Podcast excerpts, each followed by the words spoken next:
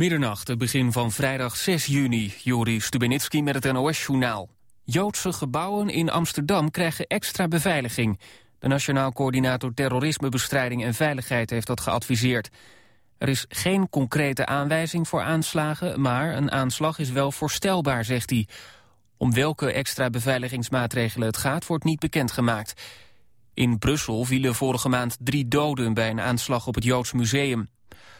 Fokker Services betaalt 15,5 miljoen euro aan de VS... omdat het zaken heeft gedaan met landen waarvoor de Amerikanen handelssancties hadden afgekondigd.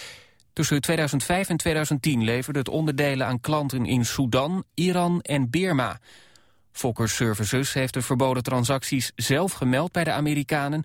en betaalt nu een schikking om te voorkomen dat Amerika geen zaken meer wil doen. In een dorp in het noordoosten van Nigeria zijn zeker 42 mensen vermoord. Vermoedelijk door de islamitische terreurgroep Boko Haram. Militanten hadden zich verkleed als militairen van het Nigeriaanse leger. Ze reden een dorp in en riepen bewoners bijeen om samen te komen bidden. Daarna openden ze het vuur. De dode die vanochtend werd gevonden in het landingsgestel van een KLM-toestel op Schiphol... is waarschijnlijk een jongen van 17 uit Noorwegen. Dat melden Noorse media. De jongen zou door zuurstoftekort om het leven zijn gekomen. Er wordt niet gedacht aan een misdrijf. De marechaussee wil het bericht niet bevestigen. Sponsoractie Alp d'Huez heeft dit jaar 12,3 miljoen euro opgebracht. Het bedrag is een stuk lager dan eerder. Vorig jaar kwam er 29 miljoen binnen, maar toen werd er ook twee dagen gefietst. Het wielerevenement heeft ook last van een bolletjeschandaal. Het weer, de regen trekt weg naar het noordoosten. Vannacht wordt het 7 graden. Overdag veel zon, weinig wind en 17 tot 24 graden. Zaterdag wordt het een stuk warmer, maximaal 32 graden. Dit was het NOS Journaal. Radio 1. VPRO. Nooit meer slapen.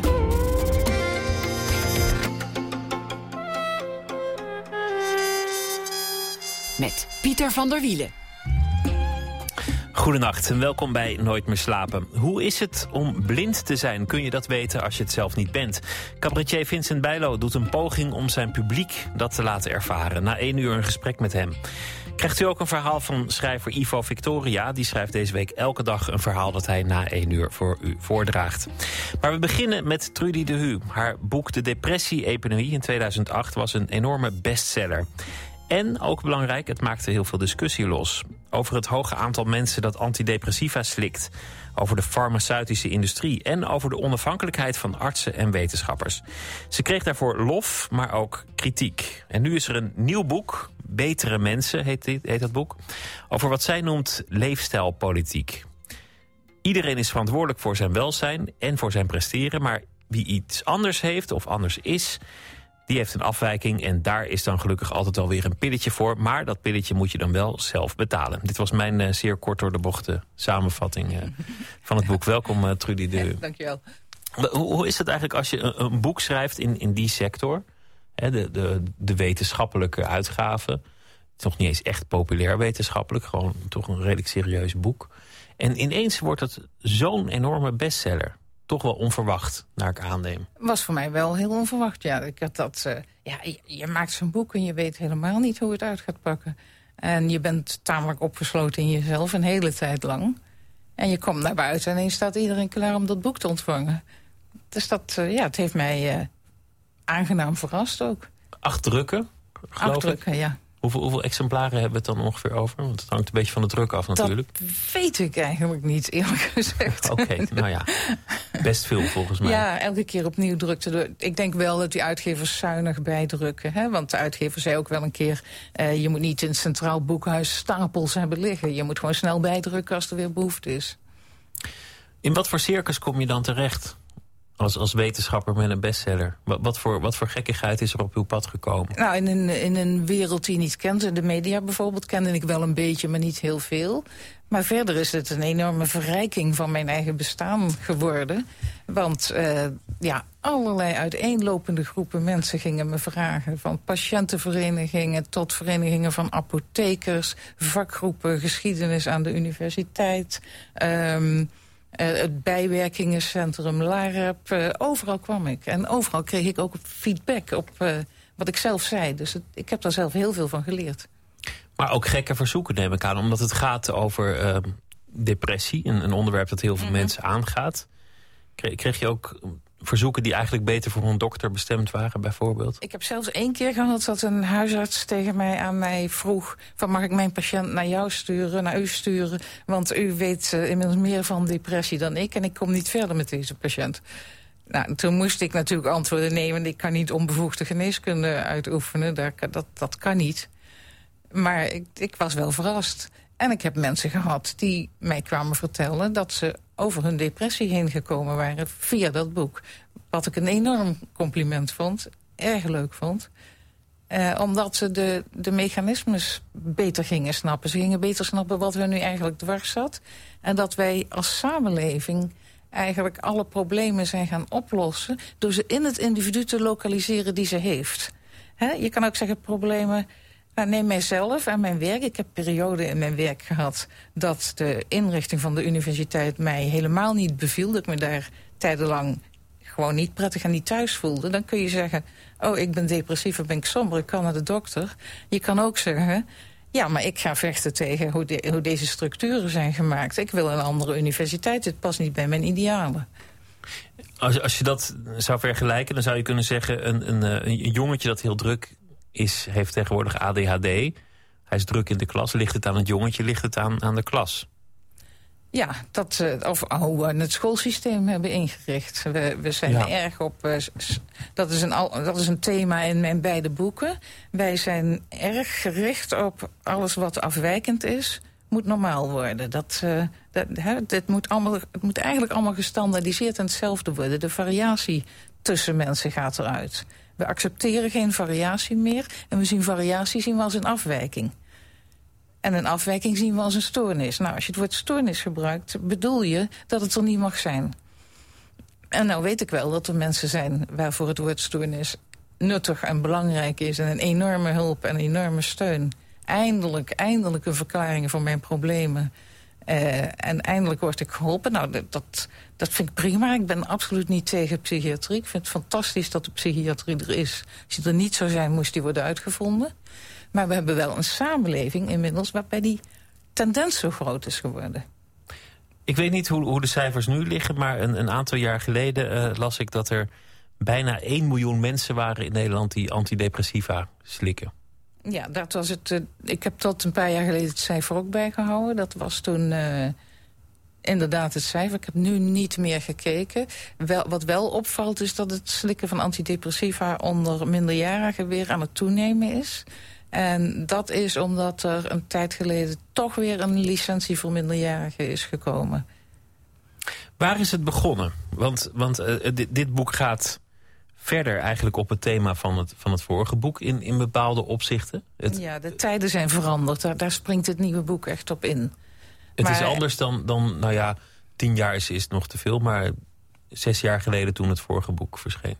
Ja, bij het vorige boek was ik uh, gefascineerd. Onder andere doordat er uh, uh, overheidscampagnes waren... die bijvoorbeeld depressie-bewustwordingscampagnes heten... of bewustwordingscampagnes van stoornissen onder de bevolking. Mensen moesten gaan beseffen dat ze een stoornis konden hebben. Um, er was bijvoorbeeld ook een, een, er ging een bericht uit naar alle huisartsen. Als iemand komt met buikpijn of hoofdpijn, wees er alert op. Daar kan een depressie achter liggen. Nu komt er vanuit VWS een heel ander beleid. Nu zegt VWS, we moeten gaan demedicaliseren. Uh, weg met die stoornissen, zou je, zou je bijna zeggen. En in de samenleving zelf zie je ook een, bijna een soort geïrriteerdheid uh, ontstaan. Hou op met je ADHD bijna. Het is inmiddels... Uh, het is erger om een, om een stoornis... Het is voor mensen ook vervelend om een diagnose te hebben. Je ziet berichten van jongeren in de krant die vertellen... als ik op mijn school vertel dat ik de diagnose autisme heb... dan word ik niet toegelaten. En je hebt zelfs een actiegroep... Uh, Auti-weigerscholen is op een gegeven moment uh, opgericht. Dus het is, ja, het is sterker stigmatiserend geworden... om een diagnose te hebben. Op een zeker ogenblik had ook zo'n beetje iedereen, ik, ik chargeer, had iedereen wel een diagnose bij zich. De, de een na de ander kwam naar je toe en zei... oh, ik ben erachter, ik heb ADHD, ik krijg nu medicijnen, het gaat een stuk beter met me. Of, of mijn kind heeft uh, een autistische spectrumstoornis of, of, of PDD-NOS of, of, weet ik veel ehm, wat ze allemaal hadden. Maar de, de, de diagnoses vloeiden rijkelijk, zou je kunnen zeggen. Ja. Jij zegt inmiddels zijn we een, een stadium verder. We willen daarvan af van dat iedereen wel iets heeft. Nou, ik merk die tendens in de samenleving. Hè? Een, paar jaar geleden kon je dit, uh, of paar jaar, uh, kon je dit nog zo zeggen. En nu krijgen mensen veel makkelijker de reactie, hou op, hou op met die onzin. Of laten we eens gaan demedicaliseren. Niet meer, niet meer met z'n allen naar de dokter lopen. Dat komt ook door de, de economische crisis. En inderdaad, de gezondheidszorg is ongelooflijk duur aan het worden. Dat, dat kan niet zo doorgaan. Daar heeft minister Schippers echt gelijk in. En uh, Van Rijn zegt het ook. je ziet het in de rapporten van VWS. Jongens, als we zo doorgaan geven we straks het grootste deel van ons inkomen uit aan gezondheidszorg. Dus uh, dat is een aspect ervan. Um, wat mij opvalt is dat er, er ook zo'n zo'n irritatie omheen zit. Nou, laten we een flinke stap terugnemen. Uh, de tijd waarschijnlijk dat je ook al in dit vak zat, maar dan in een, in een andere positie nog. De jaren zeventig. De, de, de tijd waarin alles geaccepteerd moest worden... waarin werd gestreefd naar een nieuwe psychiatrie. De, de antipsychiatrie had je zelfs. Dat was heel erg de tijd waarin iedereen geaccepteerd moest worden. Ben jij gek of is de samenleving gek? Hm. Heb je die tijd nog meegemaakt? Uh, Heel ja, die, die tijd heb ik meegemaakt. Ik heb er later ook over gelezen. Overigens had hij ook duidelijk zijn uitwassen dat uh, ja, je, je kon zo gek niet doen. En je had ook het recht om, om gek te doen, ook als je andere mensen daarmee lastig viel. Dus die kant moeten we ook zeker niet op. Uh, de, die latere tijd van die stoornis is helemaal de tegenovergestelde tijd. Want je kunt wel denken, die stoornissen, dat is iets van de verzorgingsstaat. Dan mogen mensen lekker ziek, zwak en misselijk zijn... en zeggen, oh, oh, oh, ik heb een dokter nodig. Maar zo zit het niet, eh, in mijn ogen. Ik betoog juist altijd dat het ongeduld met afwijken, falen en verdriet uh, aangeeft. Want je mag het niet hebben, het heet een stoornis. Het hoeft er geen stoornis te heten als het, uh, als het geaccepteerd is dat je afwijkt. Dus vroeger was het de omgeving en nu werd het het, ja, het is individu. Een doorgeslagen naar uh, alles wat er misgaat wordt gelokaliseerd in dat individu. Ik gaf toen straks dat voorbeeld van, uh, van depressie en ik betrok dat eventjes op mezelf. Ik had kunnen denken toen ik het mij, mij niet prettig voelde op mijn werk. Uh, oh, ik ben zo depressief. Nou, was ik ook, was somber, ik was er niet blij. Ik had, heb ook wel eens gedacht, ik, zelf, ik moet een antidepressieve.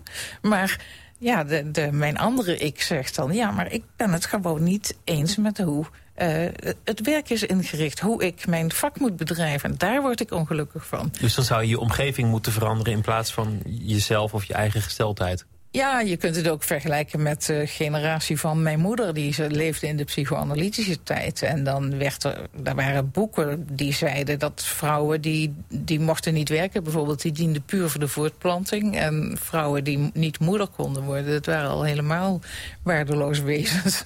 en uh, ja, als zij daar dan, dat worden ze begrijpelijk somber van als er zo over vrouwen wordt gedacht. Nou, toen kwam er op een gegeven moment een generatie iets jonger dan mijn moeder. Die is die maatschappelijke strijd aangegaan. Die gaan zeggen, ja, maar dit, dit pikken wij niet. Dat wij niet mogen werken en dat we geen volwaardige wezens kunnen zijn. Ja, je kan, ja, je kan niet kiezen. Kiezen is een, is een lastig woord. Maar als je ziet in wat voor breder plaatje je functioneert... dan kun je misschien ook een maatschappelijke strijd aangaan eventjes weer een kanttekening erbij. Ja, er bestaat ook zoiets als endogene depressie. En er bestaat echt iets als niet te controleren hyperactiviteit of aandachtstekort. Die zijn er ook. Ik heb het over dat die diagnoses zich zo uit gingen breiden. Het gaat er dus niet om, om een individu, want het kan echt zo zijn dat iemand baat heeft bij medicijnen of zich er veel prettiger bij voelt of zegt, nou ja, het heeft mij enorm geholpen. Ja, ik ben vaak neergezet als iemand die tegen medicijnen is... en tegen de farmaceutische industrie. Het heeft me altijd een beetje verdriet. Deze verdroten, ik weet niet wat het goede Nederlandse woord is. Maar chagrijnig gemaakt. Chagrijnig gemaakt, ongelukkig gemaakt. Want het boek is veel breder. Het ging niet alleen over medicijnen. Het ging over... Eh, de vraag was waarom zijn, is de depressiebestrijding zo enorm toegenomen. Niet waarom is depressie zelf toegenomen. Waarom doen steeds meer mensen aan een of andere vorm van depressiebestrijding. In toch welvarende tijden. Ongeluk in tijden van welvaart, hoe kan dat? En dan was mijn antwoord, omdat wij eh, als ons iets niet lukt, ongelukkig worden... en dat dan denken, ja, nou ben ik ongelukkig, nou faal ik nog een keer... want ik mag niet ongelukkig zijn. We gingen van de jaren zeventig naar, naar de, de, periode dat, dat het een diagnose werd. Hè? Dat, dat het een stoornis werd, bijvoorbeeld depressie of, of ADHD. Nu gaan we naar die, die nieuwe fase. Mhm. Daarvan zeg je eigenlijk dat is niet een, een verbetering... dat we nu van die stoornissen afkomen. Het is eigenlijk nog harder. Waarom is het nog harder? Ja, het is, uh, de, het is zeker geen verandering. Het ongeduld met wat ik dan maar falen en verdriet noem... om niet het woord stoornissen zelf ook te gebruiken. Hè? Dat ik een neutrale taal zoek voor mezelf. Het ongeduld met falen en verdriet is niet kleiner geworden, is groter geworden. Want nu is het, uh, doe maar aan preventie. Of los het zelf maar op. Vooral de, de na woorden... grote nadruk op preventie steeds. Dus met andere woorden, je hebt nog steeds die stoornis... Het, bedoel, het, is niet... Ja, je bij afwijken is nog, is nog steeds niet... Um, ja, daar hebben we geen geduld mee. Nee, het dus is, het is je hebt maar je te leven, functioneren. Niet je leven of je rottige baan... of dat je in, in, een, in een lelijke buurt woont... of dat je een ongelukkig huwelijk hebt, maar je hebt een depressie. Ja, of dat je je zorgen maakt over hoe het gaat in de wereld. Dat je beelden van Syrië op tv ziet... Uh, en dat je daar ongelukkig van wordt. Maar je en krijgt, machteloos. Je, je krijgt wel pillen, maar je moet ze zelf betalen. Um, nou, zelf betalen is, helemaal niet zo'n punt. Ik heb nu in mijn nieuwe boek het voorbeeld van ADHD bij volwassenen. Nou, de ADHD-medicatie wordt al grotendeels zelf betaald door mensen die het gebruiken. Dus erg bezuinigen kun je er ook niet mee. Um, het is meer... Ja, de, de grote nadruk ligt nu op... je moet het voorkomen dat je een, een stoornis krijgt. In zijn algemeenheid zijn we heel erg gaan denken in termen van... Uh, hou je risico's in de hand, uh, zorg voor preventie. Nou ben ik niet tegen preventie, maar ik denk we kunnen ook aan preventie via collectieve wegen doen. Hè? Dus nu allemaal jij als individu moet voorkomen dat jouw kind of jijzelf uh, in de problemen raakt. Ieder apart voor zich moet dat voorkomen. Nou was er een aantal jaar geleden een, een boek wat ik erg geestig vond... van de, de Britse uh, psychiater Theodore Dalrymple. Mhm. Mm -hmm. Leven aan de onderkant. Hij, hij ja. beschreef de praktijk die hij had meegemaakt in een, ja. in een Britse achterbuurt. En eigenlijk zat, zat, daar steeds dat verwijt in van... ja, die mensen komen hulpeloos aan van ik, ik ben ja. depressief... Of, of er mankeert van alles in mijn leven. Maar ze hebben zelf ook niks gedaan om dat lot... om zich aan dat lot te ontworstelen. Ja, ik, ik daar vind, is toch wel iets voor te zeggen. Daar, daar zit wat in, maar tegelijkertijd als er zoveel, ook van hogerop, hè, ook uit de wetenschap... als maar die informatie komt uh, uh, van het denken in termen van stoornissen... dan kan je wel uiteindelijk tegen die mensen die over zichzelf gaan denken... ik heb een stoornis, zeggen, hou er mee op en stel je niet aan. Maar dan vind ik toch wel dat mensen als Dalrymple bijvoorbeeld ook de wetenschappers mochten aanspreken... die heel sterk gericht is, nou niet over de wetenschap in den brede... maar uh, wetenschap van mensen en van hersenen, et, et cetera... heel erg sterk gericht op stoornissen. Het gaat alsmaar over waar zitten nou die afwijkingen in dat brein. Nou, breinen zijn verschillend. Um, wanneer uh, moet je een brein wat anders is een gestoord brein noemen? Dat is een kwestie van definitie. He, dat, dat, dat onderzoek komt ook nooit af van die, van die bijbel van de psychiatrie... die bepaalt wanneer we iets een stoornis noemen. Die gaat er aan dat hersenonderzoek vooraf. De DSM, het uh, diagnostisch ja, handboek. Diagnostic and Statistical Manual of Mental Disorders, een hele volle mond. Dus we zeggen altijd kort DSM. Wat, wat zo'n Dalrymple doet, en eigenlijk Mhm. mm -hmm. hoor je datzelfde betoog ook bij, bij heel veel anderen... en, en hoor je ook uh, vanuit... Uh, Mark Rutte bijvoorbeeld, die zegt ook Mhm, mm -hmm. vaak van de schouders ga eronder. trampoline springen. Ga trampoline springen, ja. springen of, of ga even lekker hardlopen. Er is natuurlijk veel voor, voor, te zeggen, maar je zegt eigenlijk van ja, als je dan niet ook de wetenschap aanpakt en de mensen die de diagnose stellen, dan is het gewoon een, een beetje fitten op de zwakkeren. Uh, ja, dat vind ik wel. En ik, ik, uh, ik vind, er wordt nu, door, via het woord medicalisering valt nu elke keer. Ik keer mij tegen dat woord medicalisering. Niet omdat ik, ik zie wel dat we problemen heel snel als medische problemen opvatten. Maar als je het woord medicalisering gebruikt, dan impliceer je dat de medicus hier de schuldige van is. En de medicus en de patiënt, die krijgen nu samen de schuld daarvan. Terwijl ik denk, ja, dan... Uh, dan, dan ergens heb ik de metafoor gebruikt van... als je zelf de hand op de open kraan houdt... dan moet je de dwelploeg niet beschuldigen van de wateroverlast. Dus die, die moeten het opvangen, vooral de professional in de gezondheidszorg. Die, die hebben een, een, een forse baan, want die krijgen die enorme vraag. Zij zijn niet degene die de vraag naar gezondheidszorg kunnen stoppen. We moeten het kortom hebben over uh, de wetenschap. Eerst gaan we luisteren naar uh, muziek Coldplay. Het nummer heet Midnight.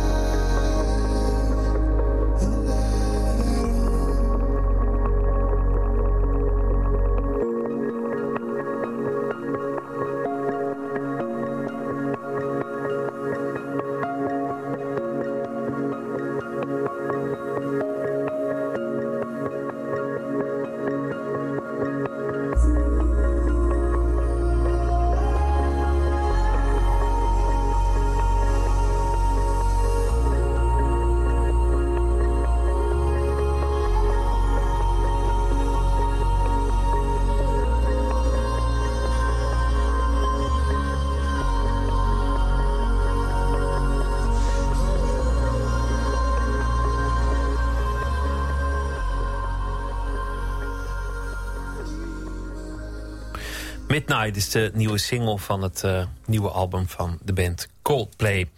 U luistert naar uh, Nooit meer slapen in gesprek met Trudy de Huus. Hij is hoogleraar wetenschapsfilosofie in Groningen. Hij heeft een uh, nieuw boek geschreven.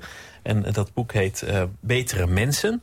We, kwamen eigenlijk net uit op de wetenschap. Dat het uiteindelijk gaat om ideeën, woorden, termen en, en gedachten... die doorwerken in, in de mensen. Dat is, dat is eigenlijk een angstaanjagende gedachte. Dat iemand de werkelijkheid beschrijft als een, als een wetenschapper. En dat mensen daardoor zichzelf anders gaan zien. Dat je zelfbeeld veranderd kan worden door iets dat ooit ergens in de Lancet gepubliceerd is. Kan ook een positieve gedachte zijn, hè? Ja, oh, uh, vind ik helemaal niet. Nee, nee? maar goed. Um, nou ja, kijk, wetenschap kan niet anders dan met definities werken. Die definities die, uh, hebben hun maatschappelijke effecten. Mijn voornaamste bezwaar tegen dat mechanisme is dat het vaak verhuld wordt dat met definities wordt gewerkt. Dat er net wordt gedaan alsof de werkelijkheid uh, uh, via de mond van de wetenschapper kan spreken. Alsof dat Even met een heel eenvoudig voorbeeld, om het, om het punt eh, goed te pakken te krijgen. Als uh, een groep wetenschappers uh, zegt het percentage kinderen dat in armoede opleeft, in, kinderen dat in armoede leeft in Nederland is zoveel, dan heeft men bij het onderzoek een definitie van armoede gebruikt. Als je die definitie er niet bij geeft, dan doe je net alsof de realiteit voor zichzelf gesproken heeft. En daar zit voor mij een groot probleem. Je kunt de definitie er ook wel bij geven. Dat is democratischer. Die armoedecijfers die hebben grote consequenties. Net als de cijfers voor stoornissen. Hoeveel procent van de bevolking heeft een stoornis? Heeft grote consequenties, want mensen gaan in die termen denken. Het heeft ook beleidsconsequenties. Maar er staat ergens in een boek van, nou ja, als je, als je dit hebt, als je dat hebt, als je dit hebt, dan, dan heb je uh, depressie of, of ADHD ja. of, of uh, een autistische stoornis. Uh, dat soort dingen. En dat wordt daarmee een waarheid. Want ja, iemand heeft dat ooit in een boek geschreven. En die had het ook net iets anders kunnen opschrijven en dan, dan had je het niet. Ja, dat heet making up people in het Engels. Dat is een hele bekende term daarvoor van de filosoof Hacking. Making up people kun je vertalen als mensen typen verzinnen... en mensen typen in het leven roepen. Um, nou, vanaf dat de term ADHD als ziekteterm is bedacht en gedefinieerd... kreeg je ook mensen die ADHD hadden. En er wordt wel eens gezegd... nee, die hebben altijd al bestaan. Want in de literatuur van vroeger zijn ook hyperactieve mensen beschreven. Ja, maar die hadden, die hadden geen ADHD, want toen was het ook geen stoornis. ADHD betekent dit is een stoornis. Die D staat voor disorder, stoornis. Nou, pas toen die definitie er was... konden mensen het leven van een ADHD'er gaan leven. Dus inderdaad, wetenschap maakt mensentypen via zijn definities. De tweede vraag is of dat goed of slecht is. Wanneer dat goed of slecht is. Maar het is niet inherent goed of slecht. Laten we de vergelijking maken met homoseksualiteit. Ja. Dat, is, dat is een gekke vergelijking. Maar in de jaren 50, gewoon in de, de medische gezinsencyclopedie... te kopen op de betere rommelmarkt... stond te lezen dat het een perfecte genezen afwijking was. Ja. Mensen gingen daar toen ook naar leven. Ja, mensen gingen daar sterker nog, de homoseksualiteit is een heel erg goed voorbeeld. Want je kunt zelfs zeggen dat de homoseksualiteit niet altijd heeft bestaan. Ja, je ziet wel op uh, Etruskische potten en vazen... zie je hele expliciete seks tussen, tussen mannen. Maar dat het op potten en vazen stond, dat gaf al aan dat het hoeft helemaal geen naam te hebben. Waarom zou je vernoemd moeten worden naar die eigenschap? Naar jouw seksuele voorkeur, daar hoef je niet naar vernoemd te worden. En hoe is die term in het leven gekomen? Doordat sommigen gingen zeggen, dit is niet zondig, dit is een ziekte. Dus homoseksualiteit is als ziekte gedefinieerd. En toen werd het pas een woord. En toen ontstond pas de homo, kun je zeggen. Daarvoor had je mensen die seks hadden met anderen met eenzelfde lichaam was geen woord voor. Daarom moet ik ook zo'n lange term gebruiken. En daarna had je de homo. Dus dan roep je mensentype in het leven. Is dat slecht? Nou, in dat tijd niet, want het was een bevrijding voor mensen. Als de andere optie is dat je een zondaar bent... ja, dan ben je liever ziek, toch? De homobeweging was ook, ook blij toen in de jaren tachtig werd aangetoond... Dat, dat er in de hersenen aanwijzingen zouden zitten... van, van een, een biologische oorsprong van homoseksualiteit. Ze waren boos aanvankelijk waren ze boos, maar na een, tijdje, na een tijdje werd dat omarmd. Van nou ja, zie je, dan is het kennelijk door God of, of wie dan ook er, erin gezet. Ja, je kan, daar, je kan daar veel kanten mee. Je ziet veel kanten mee opredeneren. Je ziet dezelfde beweging nu bij andere stoornissen. Uh, je hebt de, bijvoorbeeld de beweging voor neurodiversiteit. Die zegt, uh, wij zijn wel anders. Het kan wezen dat we andere hersenen hebben. Maar uh, laten we de variatie vieren. als wij andere hersenen hebben, hoeven we nog niet gek te zijn. Weer anderen zeggen, ja, zie je wel, het zit in mijn hersenen en, en dus is het echt. Maar daar zit, daar zit ook iets moeilijks in. Want, want stel dat je, dat je het helemaal perfect zou doen... dat je, dat je een homogen zou aantonen of, of een breinstructuur... en hm. iemand die een volmaakt gelukkig gezinsleven met een vrouw leidt... die zou je in de scanner zetten en zeggen van... je hebt het mis, want uit onze scan blijkt dat je al jaren homo bent. Ja, nou dat is een hele goeie, want het komt echt voor. Er is een, eh, een, groep Britse wetenschappers die zegt dat ze in 10 minuten verborgen autisme kunnen diagnosticeren. In 10 minuten met een hersenscanner. Nou, daar, daar zijn van statistici zijn daar uh, denkfouten in dat onderzoek uh, uh, aangewezen. Dus dat, dat onderzoek dat is wel afgekant. Maar je kunt het om nog een andere reden twijfels bijzetten. Wat is nou belangrijker? De, de, volgens de officiële psychiatrische criteria moet op zijn minst een professional iets merken aan een persoon... voordat die persoon autistisch mag heten. En als jij zegt, met onze hersenscanner kunnen wij verborgen autisme opsporen... dan maak je die hersenscanner belangrijker dan wat wij in het dagelijks leven meemaken. Precies zoals jij net met dat voorbeeld van die homoseksualiteit kwam. Dan zitten we wel met een probleem. Want als het alternatief is van... nou ja, je moet niet alles geloven wat de heren deskundigen zeggen... dan is dat ook niet echt een bevredigende oplossing. Uh, ja, dat is, een, dat is een hele lastige. De, wetenschap begint ook vertrouwen te verliezen. Dat is een, een, een, een buitengewoon lastig probleem. In een aantal, ja, soms organiseren wetenschappers van die congressen... van uh, hoe kunnen we het vertrouwen in de wetenschap behouden dan hebben ze erg de neiging om de journalisten de schuld te geven... van de, die, die geven het dan allemaal verkeerd weer. Maar ik denk dat de enige manier om het vertrouwen in wetenschap te behouden... is veel opener zijn over hoe je feiten eigenlijk tot stand zijn gekomen. Wat ligt daar allemaal aan redenering aan ten grondslag? Wees daar opener over. Je zei net dat het uiteindelijk te maken heeft met, met de samenleving. De samenleving die, die pikt geen afwijkingen meer... want de samenleving wil een bepaald menstype nastreven. Mensen die gewoon gezellig meedoen. Ja, betere die, mensen. Die productief zijn. ja, productieve, betere mensen. De wetenschap volgt die agenda net zo goed. Ja, dat, dat is een van de... Er lopen twee verhaallijnen door mijn boek. Eén is die, die verhaallijn van... ja, de, uh, we hebben die stoornissen en nu moeten we ze allemaal zien te voorkomen. De preventie daarvan. Maar tegelijkertijd laat ik zien dat het ook heel sterk in de wetenschap zit. Dus je kunt wel net als Delwimpel op die, eh, een vinger opsteken... naar de mensen in de bevolking die daarin meegaan.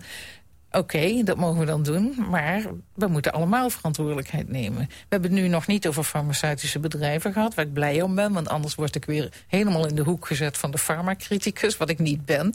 Ik stip gewoon allerlei partijen aan die deze mechanismen samen dragen die wetenschap, wat merk je daar zelf van? Want, want je bent betaald door de universiteit, werkt aan dit soort boeken. Uh, ziet het als je taak om na te denken over de, de brede lijnen mhm. van waar het met, samenleving en, en, wetenschap en diagnostiek naartoe gaat. In, in hoeverre merk je zelf dat dat onder druk komt te liggen? Dat, dat de wetenschap als geheel een andere agenda volgt? Nou, dat je daaraan uh, aan mee moet doen. Je, je kan bijna geen onderzoeksaanvraag in de psychologie meer indienen... Uh, zonder dat je de neuro bijzet en zonder dat je aan, aan stoornissen werkt. En dan liefst moet het ook biologisch. En ik merk het nog op een andere manier. We zijn in de hele samenleving zijn we mensen aan het standaardiseren. En wetenschappers zijn ook enorm gestandaardiseerd. Het werd helemaal van, dit is goede wetenschappelijke output. Zo heb je het te doen. En dat heb ik ook aan de lijve ervaren. Dat zei ik toen straks, dat ik mijn werk niet meer leuk vond. Want ik moest ook in dat harnas. Dus ik, de, de problemen waarover ik schrijf... die normaliserings- en standaardiseringsproblemen... die ervaar ik ook in mijn eigen leven. Hoe heb je dat overwonnen? Nou, best lastig. Uh, ik heb daar uh, flink mee geworsteld. En op een gegeven moment heb ik... Uh, heb ik eh, burgerlijke ongehoorzaamheid gepleegd. En ben ik dat depressieboek gaan schrijven... terwijl ik niet werd geacht een boek in het Nederlands te schrijven. Dus dat was eigenlijk een daad van verzet om dat toch te doen. Maar in je eigen tijd? Of, of eh, deed je dan alsof je iets anders deed? Nee, in, in werktijd ook. Ja, in werktijd, omdat ik vond uh, dat vond ik echt. Dat uh, journalisten in Nederland bijvoorbeeld ongelooflijk slecht op de hoogte waren... van wat er allemaal speelt. En bijvoorbeeld van zo'n idee als van Making Up People... wat in Engeland en in Amerika een heel normaal idee was. Hier had niemand een benul. En ik dacht, ja, dat komt omdat wij academici helemaal niet meer in het Nederlands mogen schrijven. Dus laat ik eens wat moeilijks gaan maken voor mensen die in het Nederlands ook best bereid zijn om iets moeilijks te lezen. En laat ik nou eens niet bij een universitaire uitgeverij gaan. Want dan is het weer zo opgesloten in de eigen wereld. Hè. Dan praten de universitaire mensen weer met elkaar. Laat ik nou eens gewoon bij een publieksuitgeverij gaan. Wat was het dat voorkwam dat, dat je uh, wel wegzonk in een depressie? Nou, dat vind ik wel heel zwaar uitgedrukt. Ja? ja, dat is toch weer een nou stoornis, hè, die ik er dan inbreng. ja, ja dan, precies. Dan is de wegzinken in de depressie. Maar ja, nou, dat ik, uh, dat ik besloot, mijn talenten liggen daar. En die ga ik inzetten om te proberen iets nuttigs en iets zinvols te produceren. En dat is, daarom ben ik ook ontzettend blij dat zoveel mensen mij zeggen dat het nuttig en zinvol is. Er zijn ook mensen boos op me geworden. Maar volgens mij door misverstanden. Die ik moeilijk op kon lossen. Uh, zoals zij ontkent dat depressie een ernstige ziekte is. Dat kreeg ik heel veel te horen. Terwijl dat het boek opent en besluit met de erkenning dat ik dat, ik, dat, dat, ik dat zie. Maar goed. Oké, maar, maar, dit, klinkt, dit klinkt eigenlijk ook weer toch als, als mensverbetering. Als je zegt, ik, ik besloot mhm. mijn talenten aan te spreken... Om, om het beste uit mezelf te halen en, en het zo te overwinnen. Ja, dat klopt. Daar zit, zit een laatste hoofdstuk in waar je, waarbij je mij best kan beschuldigen... van een vorm van toch ook mensverbetering nastreven. Maar ik pleit dan niet voor iedereen gestandaardiseerd op dezelfde manier beter worden. Maar iedereen mag ontdekken en nagaan hoe, hoe zijn eigen afwijking... die dan geen stoornis hoeft te heten, maar een bijzonderheid, een variatie. En iedereen mag gaan uitzoeken hoe, hoe hij of zij die het beste in kan zetten. Maar ik ben toch ook wel een beetje een streng mens, denk ik. Want ik vind uh, dat de mens wel op de wereld is om iets zinvols te doen voor anderen. Maar dat gebeurt dan bijna automatisch als je het met plezier mag doen. Er is iets paradoxaals, omdat dit natuurlijk ook heel erg van deze tijd is. Er staat in zoveel artikelen en, in interviews en in de damesbladen staan er hm. vol mee van... Uh, word jezelf, ontdek jezelf, wees jezelf, blijf jezelf. Dat soort dingen. Dus, dus dat, die, die eindeloze variatie op het mhm. thema individu... Ja, dat, dat is heel hip juist ja, wees spont. Maar dan is het weer een opdracht. Dan moeten we weer allemaal, uh, allemaal nu ogenblikkelijk op dezelfde manier onszelf worden. Wees vrij, nu. Ja, nu. Ja, en wees spontaan. dus dat... dat uh, het moet geen opdracht zijn. Het moet een mogelijkheid en een recht zijn. En een, uh, een, een, een waardering nou ja, ik kom weer dan toch weer terug op de universiteit... die zo de neiging had zo uniform... wetenschappelijke output is een Engelstalig artikel... in een Amerikaans tijdschrift. En anders ben je een nutteloos wezen.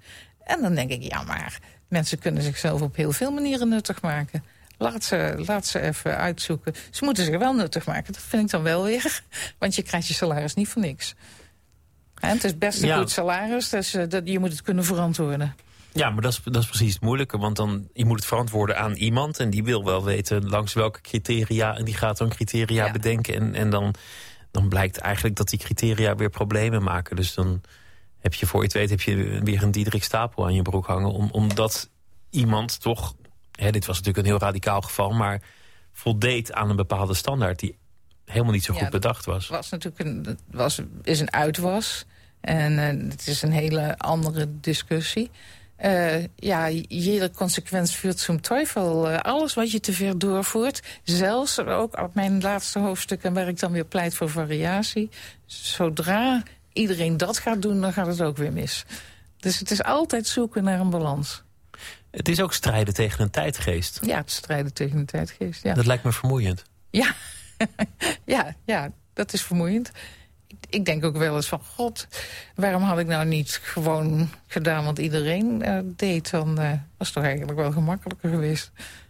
Maar dat kon gewoon niet? Nee, maar daar werd ik ongelukkig van. We gaan weer, uh, we gaan weer luisteren naar muziek.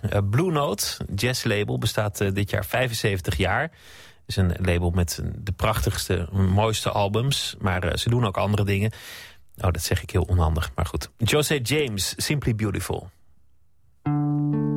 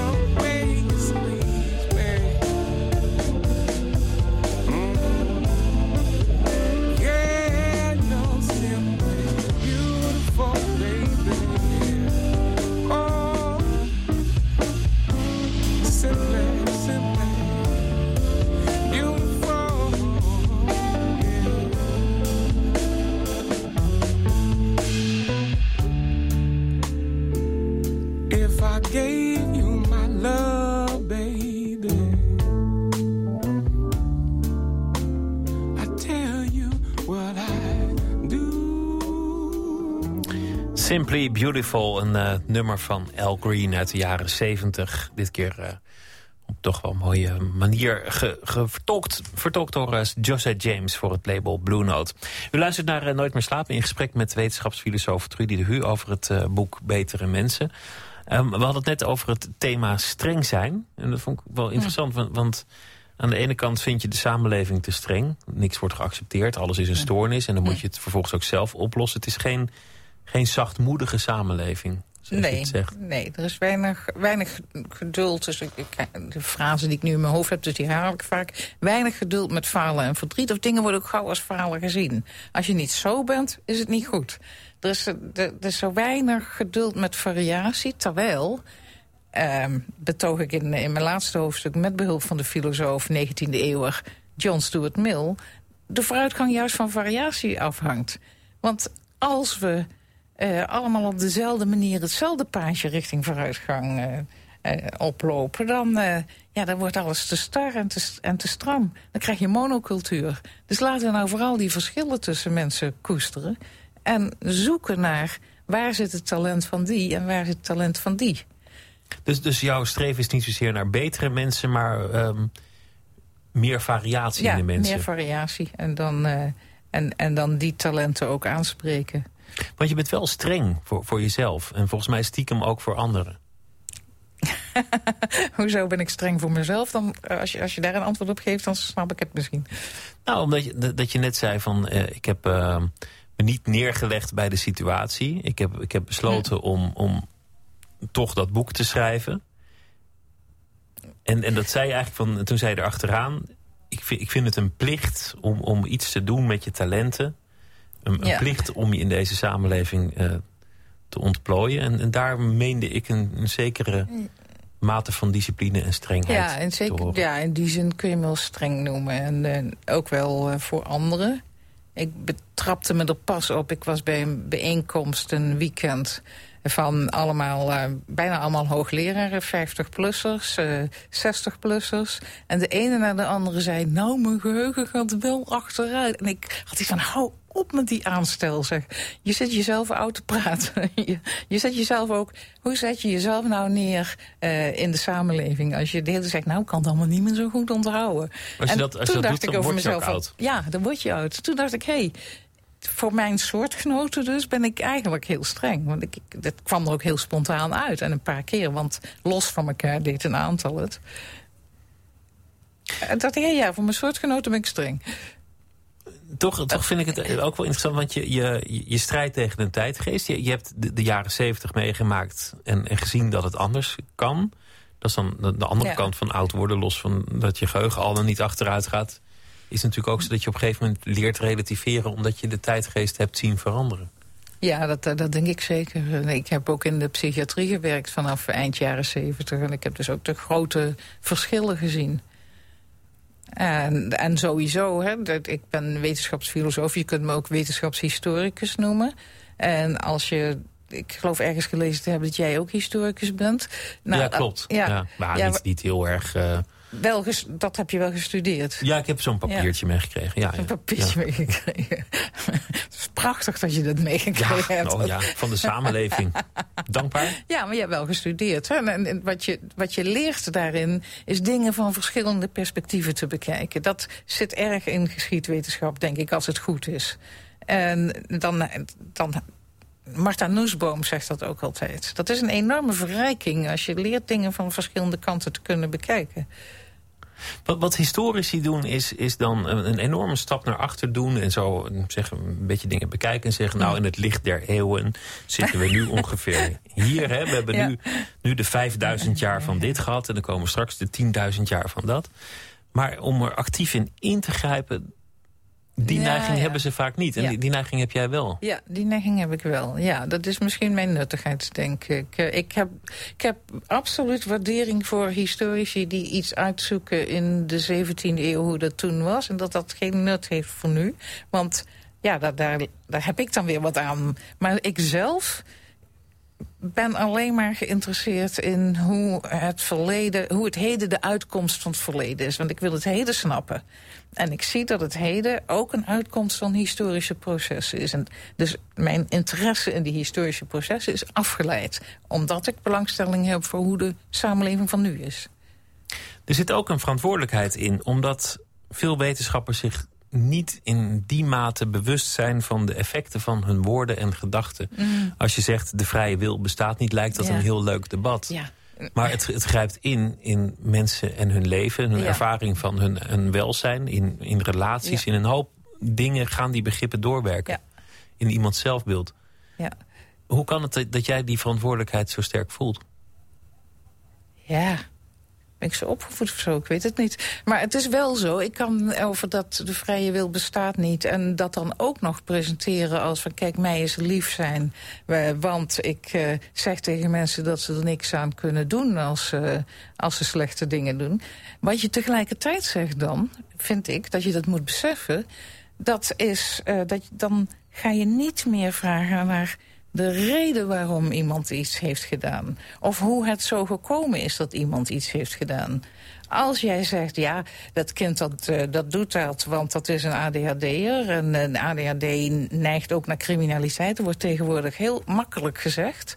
dan als zo'n kind dan een keer een, kwastje steelt of zo... of met zijn vingers in de spaarpot van broertje of zusje zit... dan is het, oh, moet je kijken, ja, dan heb je die ADHD'er weer. En dan ga je ga, ga, je niet zo gemakkelijk een gesprek aan van waarom deed je dat nou en hoe komt dat nou? Dus dat is hard. Dat is hard, dat is niet zacht. Je zei dat misschien komt het door hoe ik ben, ben opgevoed. Ik heb ergens gelezen dat jouw moeder worstelde met depressie toen jij klein was. Nou, niet alleen toen ik klein was. Dat eh, ging langer door. Ja. Toen, ik, uh, toen ik 50 was. ik heb dat een halve eeuw heb ik dat zo uh, meegemaakt. ja. Maar dat was in een andere tijd. Dat was niet in de tijd dat, dat uh, eh, 1 miljoen mensen medicijnen slikten. Mm, mijn moeder is in 2005 gestorven. En tot op het laatst... nou ja, mijn moeder heeft ook heel veel medicijnen geslikt altijd. Het waren andere type medicijnen. Kalmerende middelen heette dat. Hè. Toen moest, dat is ook zo grappig, die definities veranderen. Want antidepressiva zijn eigenlijk activerende middelen. Maar de Librium en de Valium die mijn moeder ja, wanneer begonnen ze te slikken, dat weet ik niet meer precies. Het zijn pillen uit de jaren 60, 70. Toen moesten de huisvrouwen gekalmeerd worden. Toen was het, was het meer iets, iets van een neiging tot hysterie nog eigenlijk. Een, een erfenis van het oude. Een nervositeit gebruikte men uh, vaak, ja. Dus het waren, werd anders ingekaderd. Het waren gevoelens van ongeluk. Mijn moeder was duidelijk ongelukkig. Ze wist niet... Ze, ze kon het leven niet goed vormgeven. En ze had ook pech. Heb, heb je toen al die, die fascinatie opgepakt voor, voor de, de hele wereld die erachter zo'n diagnose zit? Mm, nee. Nee, ik heb wel... Ik denk dat ik vrij jong ben gaan nadenken... waarom is ze nou eigenlijk zo ongelukkig? En dan was het, was het toch iets in de omgeving? Of was het toch iets in haarzelf? En ze had niet zo'n leuk huwelijk. Dat, dat is gewoon zo. Um, is het iets in haarzelf? Ja. Ze had niet zoveel vermogen om uh, de leuke dingen te zien. Dat kost haar grote moeite. Dit, dit, is, dit, dit um, klinkt misschien heel persoonlijk omdat het over je moeder gaat. Maar tegelijk... Nou, het is, een nachtprogramma, dus... Ja, maar ik, ik, vind het, ik vind het ook heel boeiend. Omdat het, dat het eigenlijk, wat je nu zegt... geldt natuurlijk voor, voor, nou ja, waarschijnlijk voor al die miljoen mensen... die ooit hebben gevraagd om zo'n pil of, of mhm. die hebben gekregen dat het leven ook best een worsteling is, ja, uiteindelijk. Ja, leven is ook, uh, is ook lastig. Dus ik kan me heel goed voorstellen dat uh, mensen in de problemen... en als ze er geen uitweg zien, dat ze dan denken... ja, misschien kunnen die pillen mij helpen. Vind ik volkomen invoelbaar. En de een is er beter op toegerust dan de ander. Ja, de een reageert ook anders op uh, medicatie dan de ander. En ik heb dus ook helemaal niks tegen mensen die, uh, die pillen slikken... om uh, aan hun stemming te werken. Ik ben alleen maar aan het nadenken... hoe kan het dat in, in een van de rijkste samenlevingen die we hebben... op de wereld, er, dat alsmaar toeneemt... Dus voor mij is dat ook een puzzel. Ik wil die samenleving begrijpen. Ik wil helemaal niet katten op mensen die de beslissing nemen... om uh, op die manier aan hun stemming te gaan werken. Ik zeg juist, ja, je, je kunt zeggen dat is aanstellerij uit de verzorgingsstaat. Ik zeg nee, dat zijn nou net mensen die aan zichzelf werken... die, die de, fout, de oorzaak voor wat er fout is in zichzelf zoeken. Wat ik vaak ten onrechte vind, dat ook wel weer. Je vindt het ten onrechte dat, dat mensen dan zichzelf een, een stoornis benoemen of zichzelf een, een, met een stoornis uh, ja, ja, want heel vaak... Nou, eventjes een voorbeeld wat in mijn nieuwe boek uh, voorkomt. Een, uh, een, een, moeder in Friesland die een blog had geschreven... over haar vierjarige zoontje, wat het niet lekker deed op school. Of drie zelfs, nee vier. Na een fusie op school, dat kon, hij functioneerde niet in de grote rommelige klas. De school stuurde aan op diagnose ADHD... En die moeder verzette zich. Vervolgens kreeg het kind een rapport mee van de school... met 16 minnen. Een vierjarige die overal een min op kreeg. Praat leuk mee in de kring, neemt initiatief. Min, min, min, min, min. Die moeder die is niet gaan denken... oh, ik heb iets vreselijk verkeerds gedaan in de opvoeding... of mijn kind deugt niet. Die moeder is in verzet gekomen. Die is gaan bloggen en die heeft gezegd... dit accepteer ik niet. En dat, dat, ik vind dat terecht. Ik vind dat je niet aan een, een klein kind in alle opzichten kan afkeuren. Dat kan niet. In elk klein kind zit wat leuks. Het, het, ehm, die, die samenleving die, die lijkt harder te worden... waardoor ook waarschijnlijk meer mensen het op wat manier dan ook niet redden. En dan, dan moet je een soort vlucht hebben. Je moet, ja. je moet ergens naartoe en dan is zo'n diagnose ook wel een, een vlucht.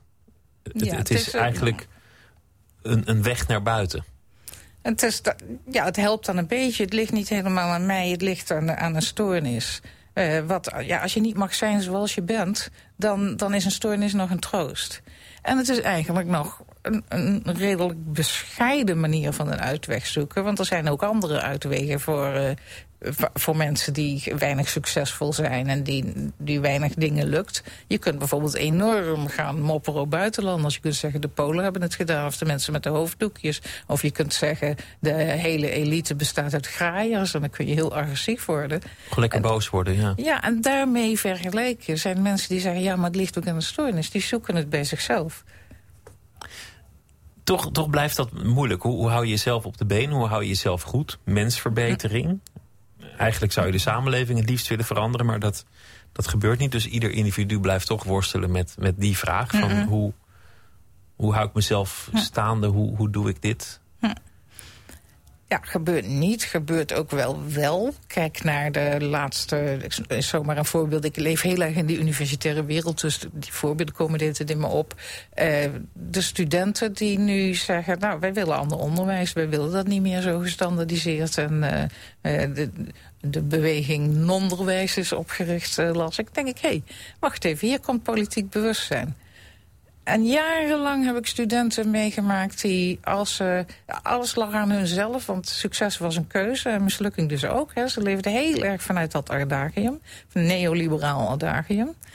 Dus ik pestte ze wel eens en zei ik... nou, je weet je, ik kan heel slecht college geven... en als jullie het niet snappen, denk je toch dat het door jullie komt. En dat was ook echt zo, dat dachten ze altijd. En nu ineens, ja, het is niet dat ik een sfeer wil gaan creëren... waarin iedereen over alles uh, anderen bekritiseert. Hè. Je moet ook niet hebben dat die, die studenten die hardwerkende docenten alleen maar verwijten gaan maken. Maar wel dat je samen kunt nadenken. Hoe kunnen we het systeem anders inrichten... zodat we ons allemaal beter in voelen... en dat we ons beter kunnen ontwikkelen. Je hebt je, je, je eigen um, moeilijke moment overwonnen door dat boek te schrijven... maar daarmee haalde je ja, ja, misschien ook wel onverwacht enorm veel strijd op de, op de hals. Ja. En, dit is toch, dit, dit klinkt toch als een leven vol strijd en discussie. En, en, nou, en, uh... nou, nou, maak je het wel zwaar. Ja, maak ik het te zwaar? ja, een leven vol strijd en discussie. Jawel, nou, het, is, het, is, het heeft zo zijn eigen moeilijkheden. Maar andere keuzes hebben, hebben ook hun moeilijkheden. Voel je daar goed bij? Oh, dat wisselt wel eens. Dat wisselt. Denk je ook wel eens van, god, wat heb ik allemaal op de, op de hals gehaald? Ah ja, ik heb wel gezegd, eh, na het depressieboek heb ik gezegd... Eh, nou, de volgende keer, ik schrijf alleen maar over de 18e eeuw. Ik ben per slot van rekening aangesteld om historisch onderzoek te doen. Dus ik schrijf alleen maar over dooien, dat is lekker makkelijk. uh, of lekker makkelijk, dat is ook heel moeilijk. is wel op een andere manier moeilijk. Maar ja, ik kan het niet helpen. De, de, de problemen van de hedendaagse samenleving, die interesseren me gewoon. En nu, nu verder, want dit, dit boek lijkt in heel veel opzichten een, een logisch vervolg op, dat, op dat vorige boek.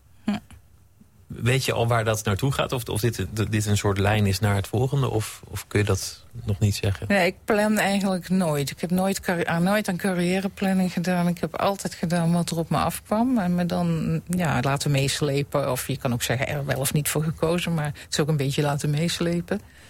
Um, dus ik, uh, ik zie wel. Maar ondertussen ben ik natuurlijk wel aan het fantaseren. Van uh, wat kan ik gaan doen?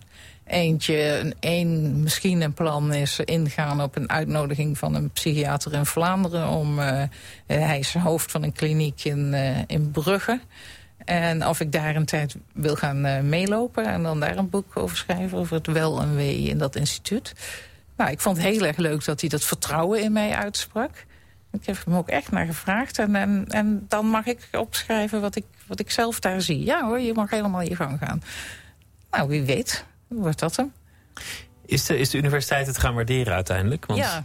Die recalcitrantie. Ja, ja dat was nog, was nog heel erg spannend. Want ik deed dus echt niet wat ik hoorde te doen. Maar ik eh, vind, misschien komt het door, door de Universiteit Groningen. Um, men heeft er heel positief op gereageerd.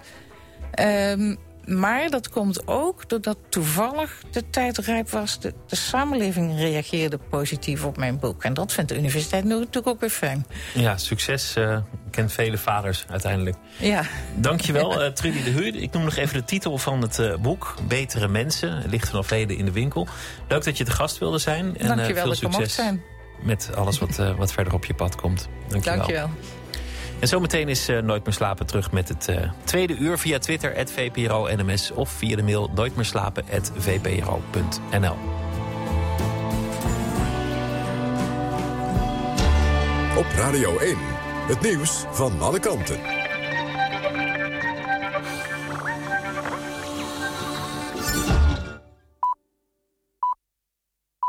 Eén uur, Joris Stubenitski met het NOS-journaal. In Amsterdam krijgen Joodse gebouwen extra beveiliging. Het gebeurt op advies van de Nationaal Coördinator Terrorismebestrijding en Veiligheid. Hij zegt dat er geen concrete aanwijzing is voor een aanslag... maar dat een aanslag wel voorstelbaar is. Burgemeester Van der Laan volgt het advies op. Om welke extra beveiligingsmaatregelen het gaat, wordt niet bekendgemaakt. In Brussel vielen vorige maand drie doden bij een aanslag op het Joods Museum. De vermoedelijke schutter werd vorige week opgepakt. De Franse president Hollande grijpt de herdenking van D-Day vandaag aan om de spanningen in Oekraïne te verminderen. Wereldleiders zijn vandaag in Normandië voor de herdenking van de geallieerde invasie tijdens de Tweede Wereldoorlog, 70 jaar geleden. Hollande hoopt dat de Russische president Poetin een prettige kennismaking heeft met de nieuwe president van Oekraïne, Parashenko. President Obama riep Poetin gisteren al op de nieuwe Oekraïense leider te erkennen en te stoppen met Russische provocaties bij de grens met Oekraïne. In een dorp in het noordoosten van Nigeria zijn zeker 42 mensen vermoord. Vermoedelijk door de islamitische terreurgroep Boko Haram. Militanten hadden zich verkleed als militairen van het Nigeriaanse leger. Ze reden een dorp in en riepen bewoners bijeen om samen te bidden. Daarna openden ze het vuur. De sponsoractie Alp heeft dit jaar 12,3 miljoen euro opgebracht. Dat is een stuk minder dan de 29 miljoen die vorig jaar werd ingezameld. Maar toen duurde de actie een dag langer. Het wielerevenement heeft ook last van een bonnetjeschandaal. Deelnemers zamelen geld in voor kankeronderzoek door de Alp d'Huez op te fietsen. Er deden zo'n 5000 mensen mee. Het weer, de regen trekt weg naar het noordoosten. Vannacht is het ongeveer 7 graden. Overdag veel zon, weinig wind en 17 tot 24 graden. Zaterdag wordt het een stuk warmer, maximaal 32 graden. Dit was het NOS Journaal. Radio 1. VPRO. Meer slapen.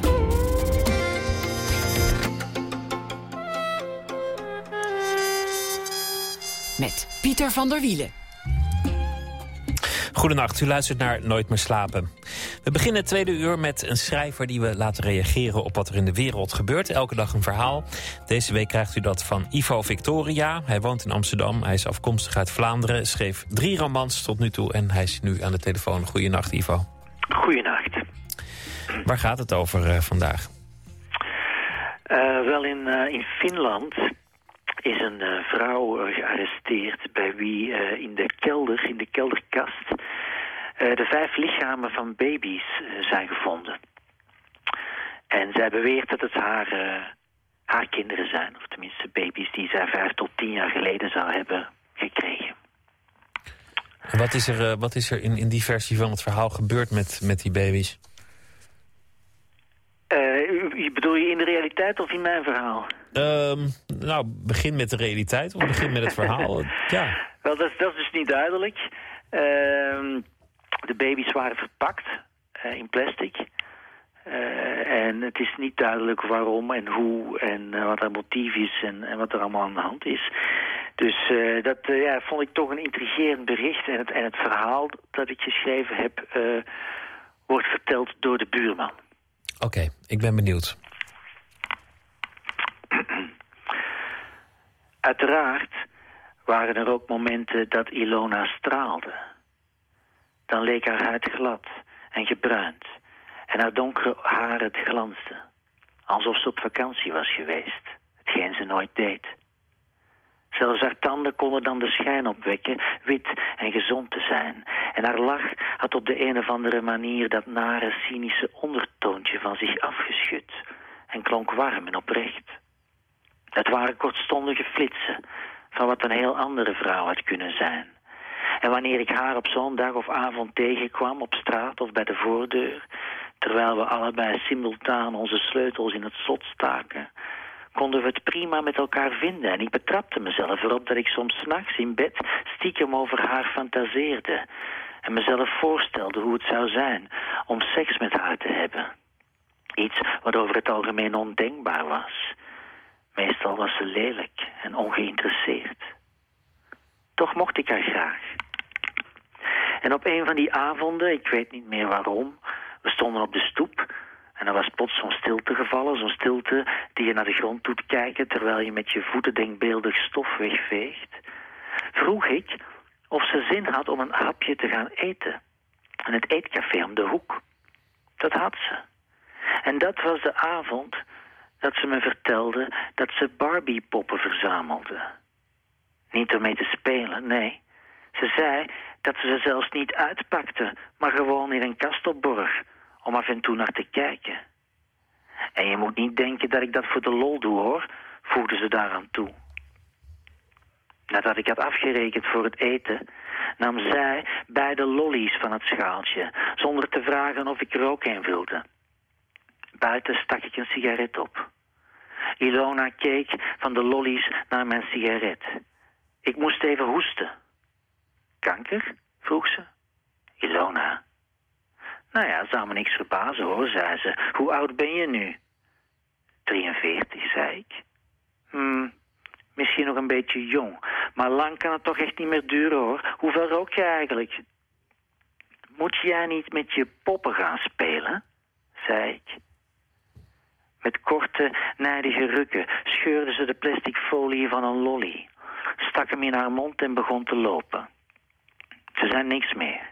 En de expressie op haar gelaat was neutraal. Maar toch voelde de sfeer op de een of andere manier plots een tikkeltje vijandig aan. Dat vond ik jammer. Toen we thuis kwamen keek ze me aan. Ik dacht dat ze me misschien wilde bedanken voor het eten. En ik vroeg me net af of ik haar naar binnen moest vragen voor een borrel. Om alsnog met een goed gevoel afscheid te kunnen nemen. Toen ze zei, sinds ik die Barbies verzamel, rook ik tenminste niet meer. Juist. Zo, uh, zo, ja. Zo kan het gegaan zijn. Ja, het, je, weet het niet.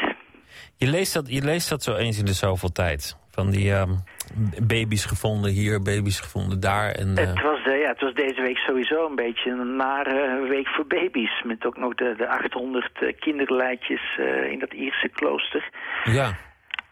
maar ja, dat zijn, dat zijn rare... Dat, die, dat soort berichten blijft om, om de zoveel tijd opduiken, klopt, ja. Ja, en nou ja, goed, je, je bent er nu lekker mee aan de haal gegaan qua, qua, qua fantasie. Dat, uh, je, je, had natuurlijk vele variaties kunnen bedenken op dit, uh, op dit thema, maar... Ja, de, de, de ja, de, de, mogelijkheden zijn uh, cynisch genoeg eindeloos met dit soort verhalen, ja. Ja, maar goed, in, in deze, deze versie heb je, het, heb je er toch nog een zekere mate van vrolijkheid ingehouden, vond ik. nou ja, um, je moet je toch altijd ook even inbeelden dat zo iemand gewoon uh, een leven leidt, hè? ondanks uh, wat er in de kelder zit. En dus niet anders kan dan ook buiten komen en mensen zoals jij en ik tegenkomen.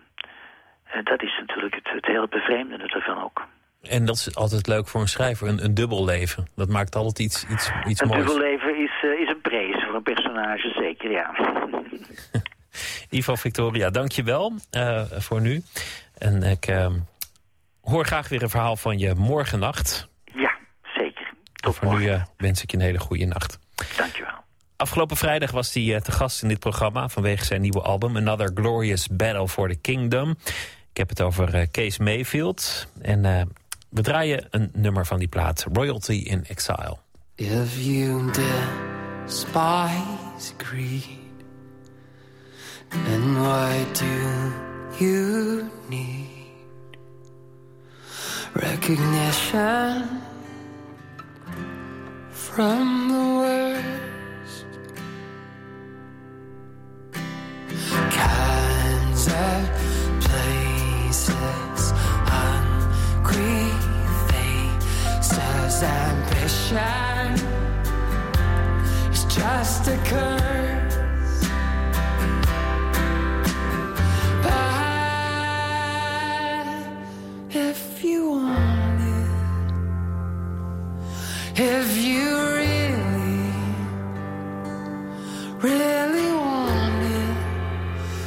Teach you how to breathe.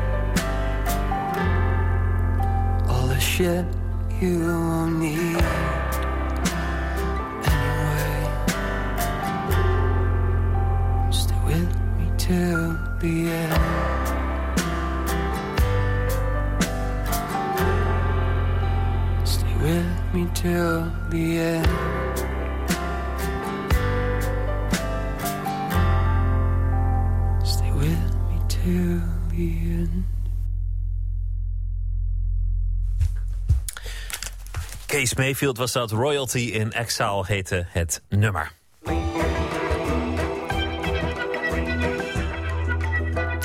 U luistert naar Nooit meer slapen op Radio 1. Vincent Bijlo gaat tijdens het Amsterdam Jazz Festival een uniek experiment doen. De blinde cabaretier en schrijver presenteert dan een talkshow en een concert in het donker. En zo moet het publiek een idee krijgen hoe het is om naar gesprekken en muziek te luisteren zonder iets te kunnen zien. Het programma heet Into the Blind en daarin interviewt de cabaretier muzikanten die ook op het festival spelen. Na de talkshow geven blinde muzici Bert Louissen en Sven Jansen met hun collega Dennis Allaert een concert. Onze verslaggever Nicole Terborg spreekt met Bijlo bij hem thuis in het donker. Wat gebeurt er? Er is iets veranderd volgens mij. Wat is dat? Donker. Donker? Nou, dat is toch echt jullie probleem hoor, jongens. Nee, ja, nee, ik ga gewoon door. Weet je ook eens wat het is? Ik merk ook altijd, dat als ik zo'n workshop gedaan heb, bijvoorbeeld in donker... dat mensen na afloop toch behoorlijk onder de indruk zijn. Alleen maar omdat er iets niet is, namelijk het zicht. Het is een, het is een, ja, een soort wereld die ze niet kennen... waar ze even in mogen zijn.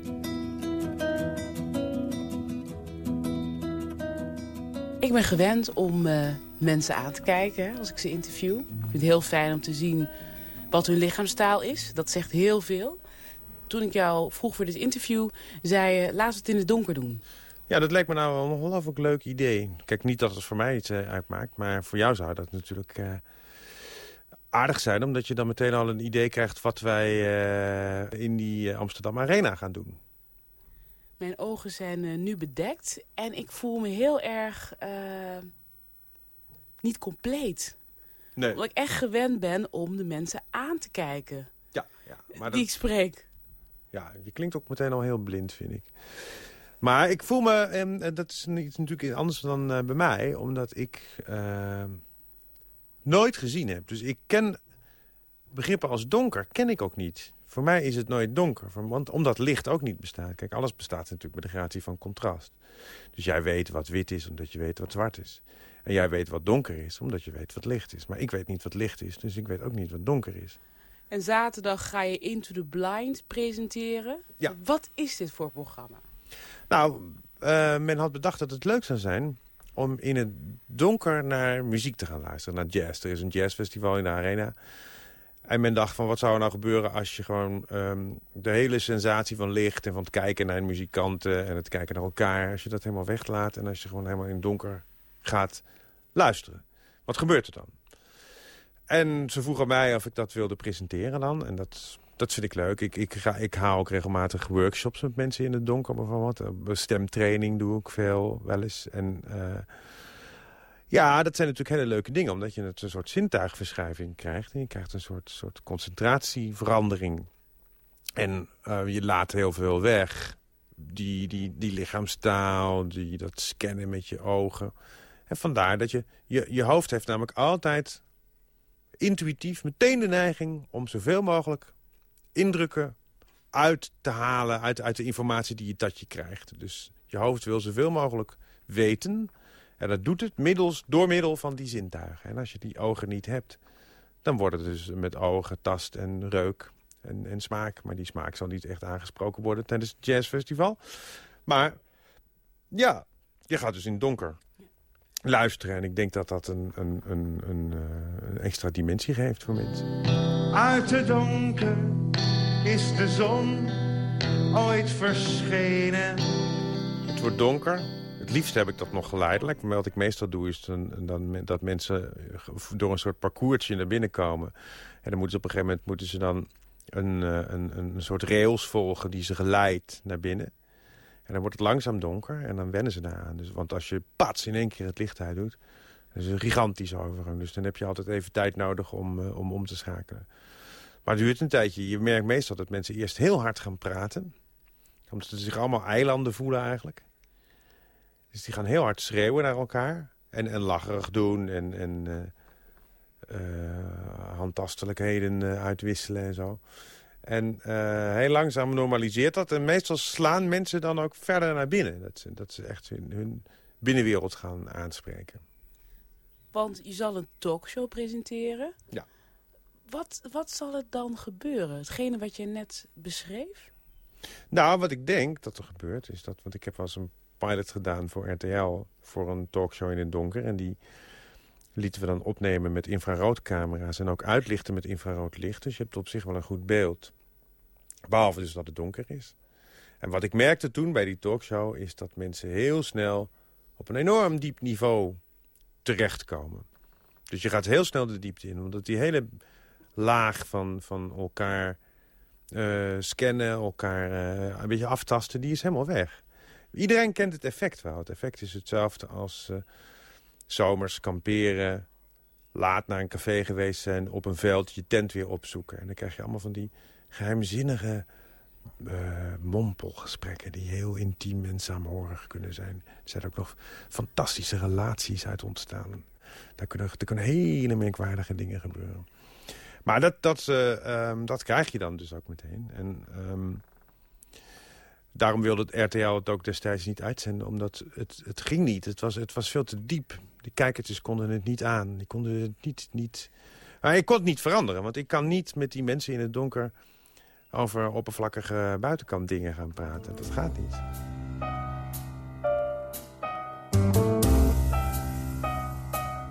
Kijk, begrijpen wat het is om blind te zijn, dat kan je niet. Zoals ik ook niet kan begrijpen hoe het is om te zien. Je kan een beetje naar elkaar toekomen misschien, maar dat duurt heel lang.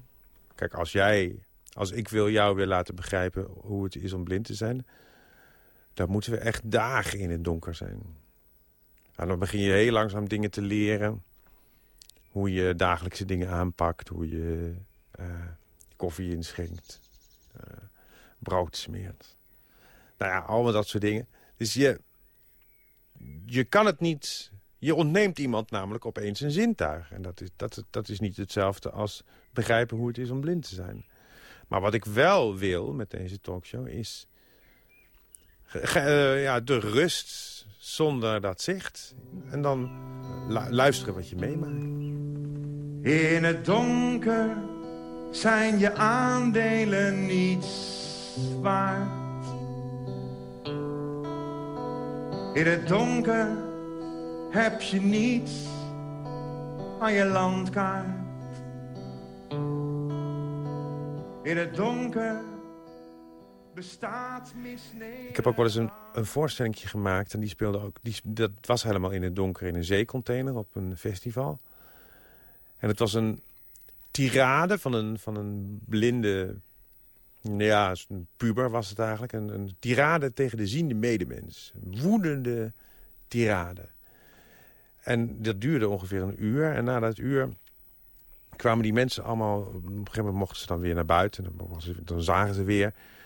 En dan waren ze allemaal heel erg bedeesd. En dan speet het ze eigenlijk ook dat, ze, dat zij die ziende waren die ik allemaal van die dingen voor hun voeten wierp tijdens die uh, voorstelling. Dat ze echt ook dachten van, jezus, wat zijn wij ook sukkels ook eigenlijk met die mode. Dat we dus gewoon altijd maar die dingen gaan dragen die mensen ons, ons, ons aanmeten. En dat als je maar tien of twintig jaar wacht, dat precies hetzelfde weer in de mode komt. Die ogen, dat zijn een soort dictators van de ziel. He, de licht verslaafde, ziende. Het zijn sneuwe mensen. Dat, zou, dat was de teneur van die voorstelling. In het donker is de schijn verdwenen. Hoe zit het eigenlijk met jouw aanpassingsvermogen? Uh, volgens mij heeft het leven zonder zicht, zal ik maar zeggen, zonder, zonder ogen, heeft een, een, eh, eh, bijkomend voordeel. Is dat je makkelijker wordt in improviseren. Want ik moet, ik moet heel vaak dingen ondergaan. Dat ik dingen niet precies weet. Als ik in, in gebouwen ben die ik niet ken, of ik ben bij mensen die ik niet niet ken en televisieopnames, weet ik veel. Ik ben een soort onderdeel van een geheel. Ik kan niet zelfstandig even ergens heen lopen, want ik ken dat hele gebouw niet. Dus ik moet zelfs vragen aan mensen of ze even met me naar de wc willen als ik moet pissen. Wat doet dat met je, dat je constant dus dingen moet ondergaan en dingen moet nou, vragen aan mensen? Dat maakt dus dat je dus blijkbaar dan sneller kan aanpassen. Maar je moet je dan aanpassen zonder op te gaan in een soort suffige middelmaat. Je moet je aanpassen en toch jezelf blijven. Dat is wat je moet doen.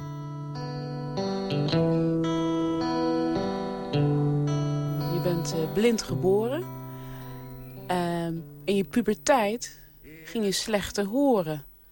Hoe was dat in die tijd? Ja, dat was kloten. Dat was natuurlijk heel erg. Omdat je ja, nou ja, goed, je bent net een beetje je plaats in de wereld te veroveren. En uh, als puber ben je natuurlijk al onderhevig aan allerlei uh, gierende hormonen en dingen en zo. En als je dat dan opeens hoort... Ik heb toen echt een tijdje gedacht van, nou, dit is echt het einde. En ik ga, ik ga me vakant maken, maar...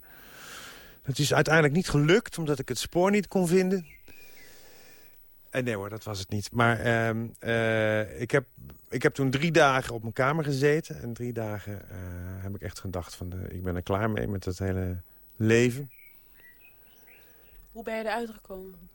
Ja, heel simpel eigenlijk. Op de, op, de, op de ochtend van de vierde dag, zou ik maar zeggen... toen werd ik wakker en toen hoorde ik de wind ruisen in de populerende tuin. En toen ben ik in het raamkozijn gaan zitten... En ik ademde de, de geuren van de voorjaar, de seringen en de blauwe regen. Zo, dat soort lieve parfums van de natuur. En toen dacht ik opeens van, jezus, wat ben ik toch ook een ongelooflijk zelfmedelijdende klootzak ook zeg. Ik bedoel, wat is er nou toch veranderd? Sinds ik dat gehoord heb, dat ik langzaam minder ga horen. Niks toch. En het begint toch net pas. Het, was net die puberteit en meisjes en, en, en, en bier. En nou ja, dat, het gaat allemaal net beginnen. Dus ik dacht van ja, dat, laten we maar gewoon... Ik ga gewoon eh, toch nog veel meer gewoon, eh, bij de dag leven, zou ik maar zeggen. En het, eh, er is, je, je hebt niks te verliezen natuurlijk. Dus je kan, je kan gewoon... Als dat gewoon een keer er echt mee ophoudt, ja, dan, dan zie je wel weer verder. En zo is het eigenlijk altijd gebleven. Maar het moment weet ik nog heel goed, omdat het echt in een paar seconden volkomen omgedraaid was. Want dat is natuurlijk ook wel, als puber ben je zeer extreem. En kan je geest, is je geest natuurlijk heel erg krachtig. En kan zich tegen je keren, maar kan ook zich enorm met je keren. Dus als je eenmaal die omdraai maakt, dan kan het ook weer, daar zit dan heel veel power in. Heb je door die ervaring in het raamkozijn ook een besluit genomen van... ik ga nu genieten van mijn leven? Of is dat te ver gezocht? Ja, ik denk het wel. Want ik weet wel dat ik me vanaf die tijd echt een stuk lichter voelde. Echt een stuk onbezorgder. Ook wat betreft die blindheid, die natuurlijk af en toe ook nog wel... Ja, je loopt toch tegen dingen aan en, en, en praktische dingen en zo. Maar daar heb ik vanaf dat moment eigenlijk veel minder een punt van gemaakt. Want je, bedoel, je bent niet gehandicapt, maar je hebt een handicap. En dat is echt een wezenlijk verschil.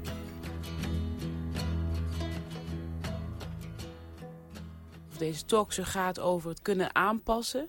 Je gehoor wordt nu ook slechter op latere leeftijd. Hoe ga je er nu mee om? Zolang ik alles nog kan doen wat ik wil doen... zolang ik nog muziek kan maken, zolang ik nog kan zingen... Eh, blijf ik dat natuurlijk gewoon ook doen. Dat maakt mij heel bewust van het feit dat ik dat allemaal kan. Dat dat allemaal mogelijk is. Het verhoogt de waarde van het leven, zou ik maar zeggen. Je kan er ook niet mee leven als met de gedachte van... Uh, oh, Jezus Christus, straks houdt het op en dan. Omdat er dan constant een soort zwaard van Damocles boven je hoofd hangt. Dus je, je moet ermee leven, op de een of andere manier.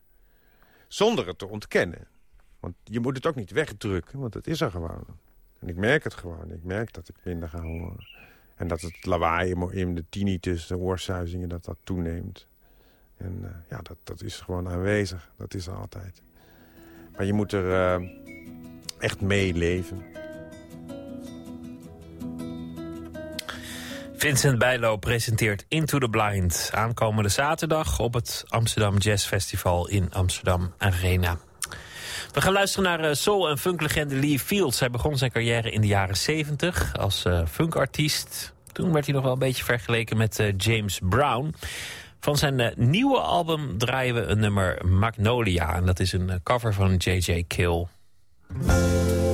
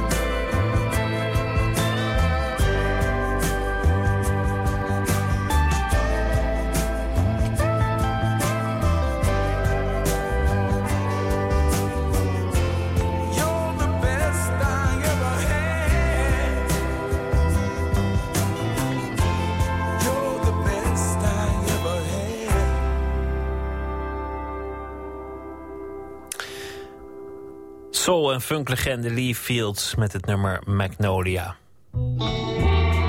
Nooit meer slapen.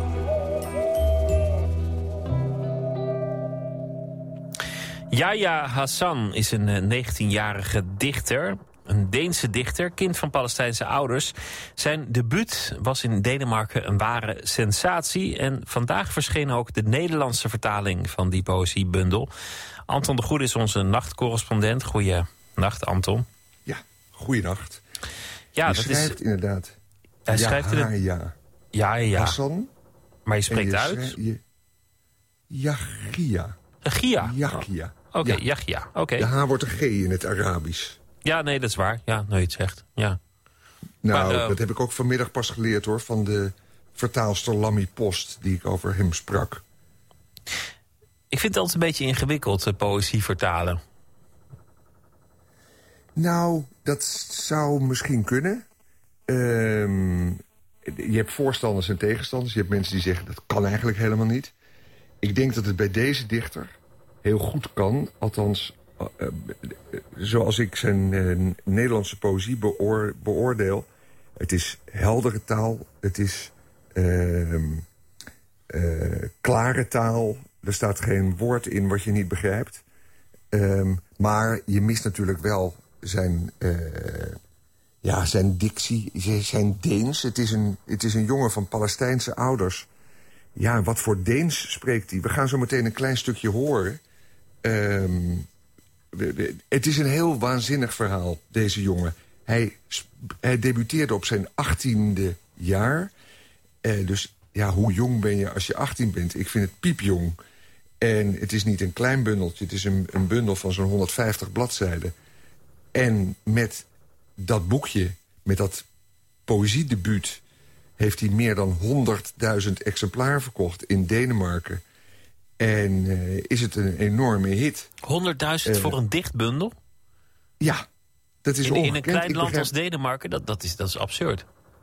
Ja, want in, wij hebben dan 16 miljoen inwoners. Ik geloof dat eh, De- Denemarken 6 miljoen inwoners heeft.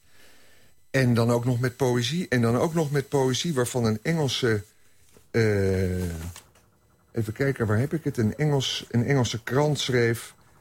eh, het is poëzie, het is... eh, ik, ik, ik ben nu het, citaat kwijt, maar het, die, die zeggen van... Het is, het is eigenlijk poëzie die niet rijmt, het vrije vers. Normaal is dat poëzie waar niemand naar omkijkt. En hoe is het mogelijk dat deze dichter op zijn achttiende het hele land eh, plat krijgt? Ik heb dat gevraagd aan Lammy Post en zij vertelde dat hij in Denemarken inmiddels heel gezien is in talkshows. Dat hij dus eigenlijk een bekende Nederlander is. Ik, een bekende, Een bekende Deen. Deen, Ik denk- ja. Ja, een bekende een Deen. BD'er, Ik, ja. denk, ik denk een soort Bart Chabot, maar dan heel erg jong. En zijn problematiek is interessant en is heel omstreden. Hij heeft als geen ander eh, zijn ouders aangevallen. En niet zo'n klein beetje ook. Eh, in een van de eerste gedichten eh, zegt hij dat zijn moeder van plan is om met een aansteker hem te verbranden. Als je niet ophoudt je broertjes en zusjes te plagen, verbrand ik je.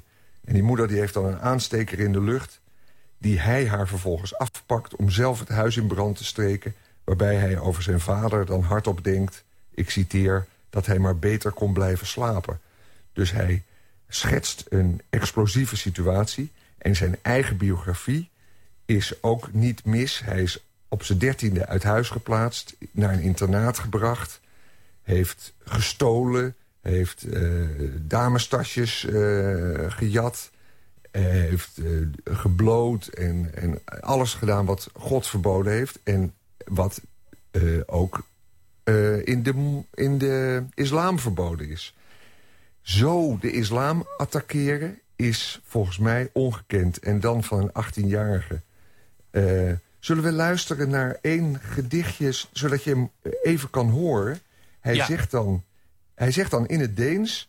Uh, ik geef de vertaling even vooraf. Op school mogen we geen Arabisch spreken. Thuis mogen we geen Deens spreken. Een klap, een kreet, een getal. Luister naar hoe dat klinkt.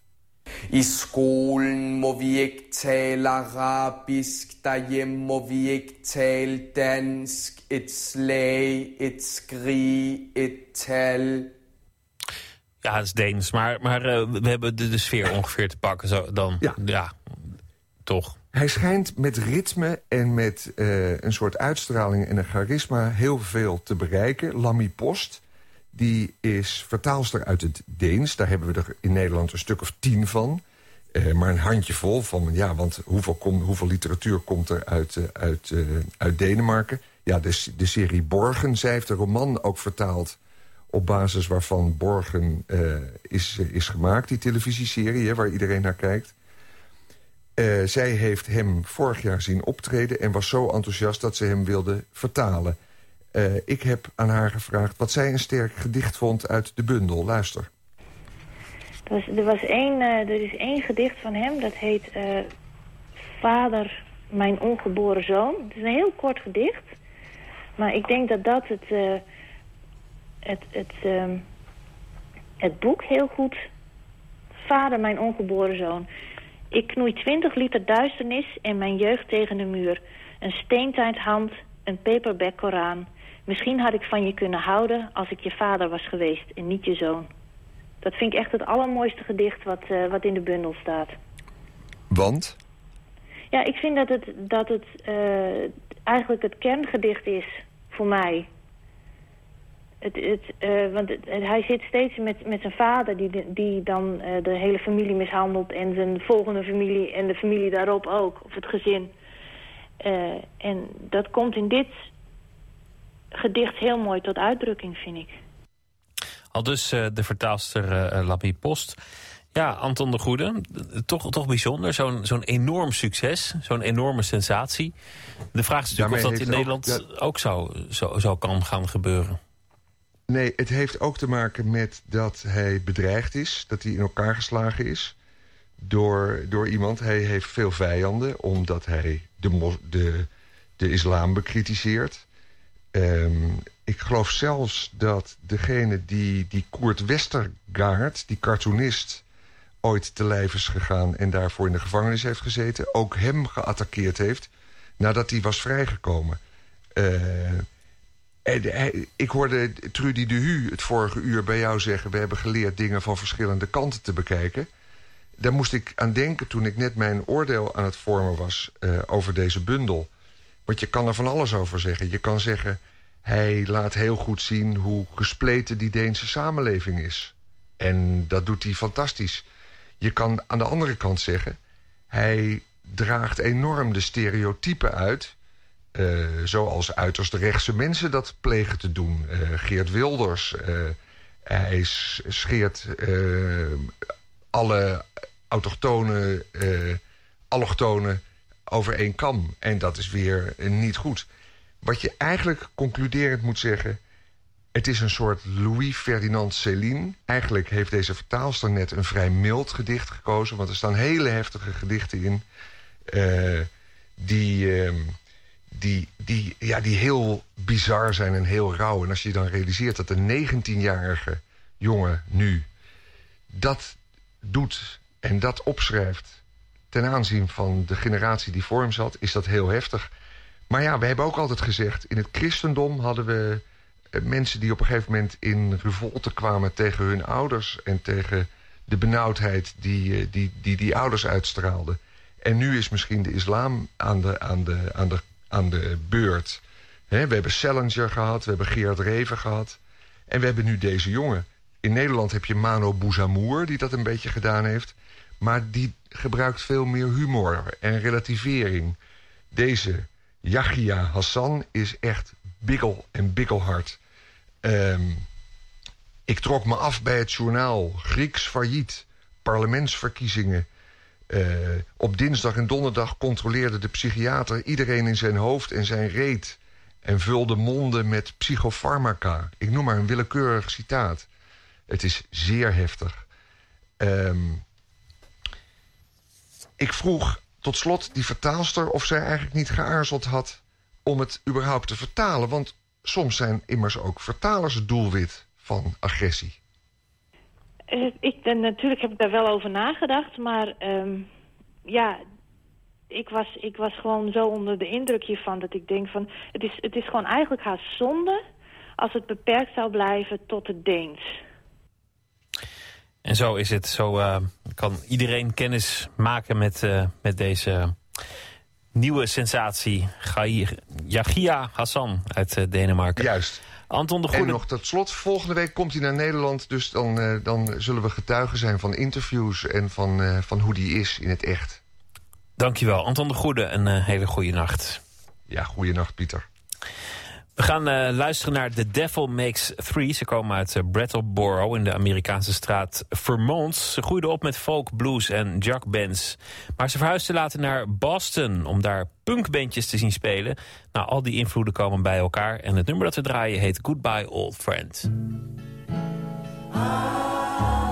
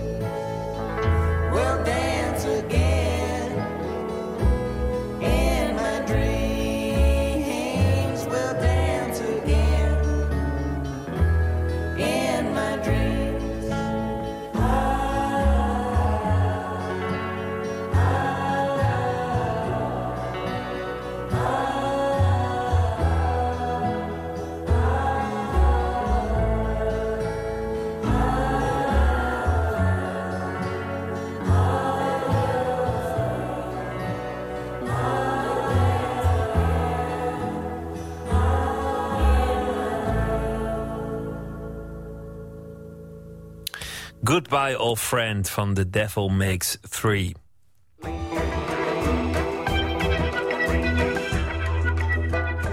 Schrijver Auke Hulst, bekend van onder andere zijn roman Kinderen van het Ruige Land, hield eigenlijk nooit van reizen.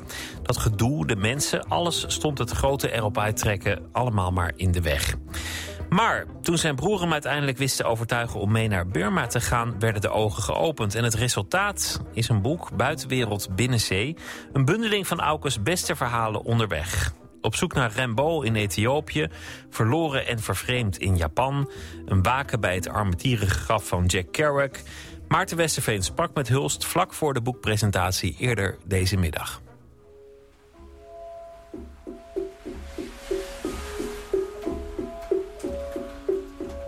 Voor iemand die zoveel moois heeft gezien...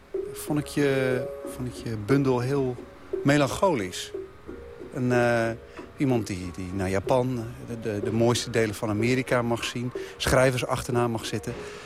Zit er een flinke, eh, zit er een flinke laag... eh, hangt er een, een, een, een wolk van melancholie over, over je schrijven? Ja, nou, dat, dat zit natuurlijk gewoon in mijn karakter, om te beginnen. En ik denk ook dat dat een heel belangrijk verschil is tussen veel ehm, professionele reizigers, daar schrijf ik ook iets over, en toeristen. Toeristen gaan, die, willen dingen zien. En ehm, reizigers, mensen die veel reizen, die zijn vaak of op de vlucht voor iets of op zoek naar iets. Daar zit veel meer, ehm, daar schuurt veel meer in het hoofd. Eh, en ik denk dat dat voor mij ook geldt. Ehm, ik moet ook zeggen dat ik vaak de, de plekken die wat minder mooi zijn... en die ook wat minder makkelijk te bereiken zijn... en wat meer, waar wat meer drama op, op de loer ligt... een plek als, eh, als Burma, vooral op het moment dat ik er was... toen het nog een afgesloten dictatuur was, of eh, Ethiopië... eh, daar heb ik meer mee dan met een hele mooie tempel in Kyoto. Hoewel ik wel graag op zich wel graag een hele mooie tempel zie, hoor, daar niet van. Wat is het belang van Burma precies voor jou? Ik, ik ben, ehm, zoals sommige van mijn lezers weten, nogal raar opgegroeid. En in een onveilige situatie met een, een vader die is overleden... en een moeder die behoorlijk eh, onbetrouwbaar was.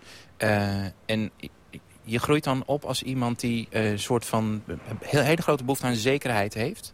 En ook wel een beetje een angstig iemand. Ik was best wel... Ik was bang voor de telefoon heel lang en zo. Ik was voor heel veel dingen heel erg bang. Wat kon de telefoon dan doen?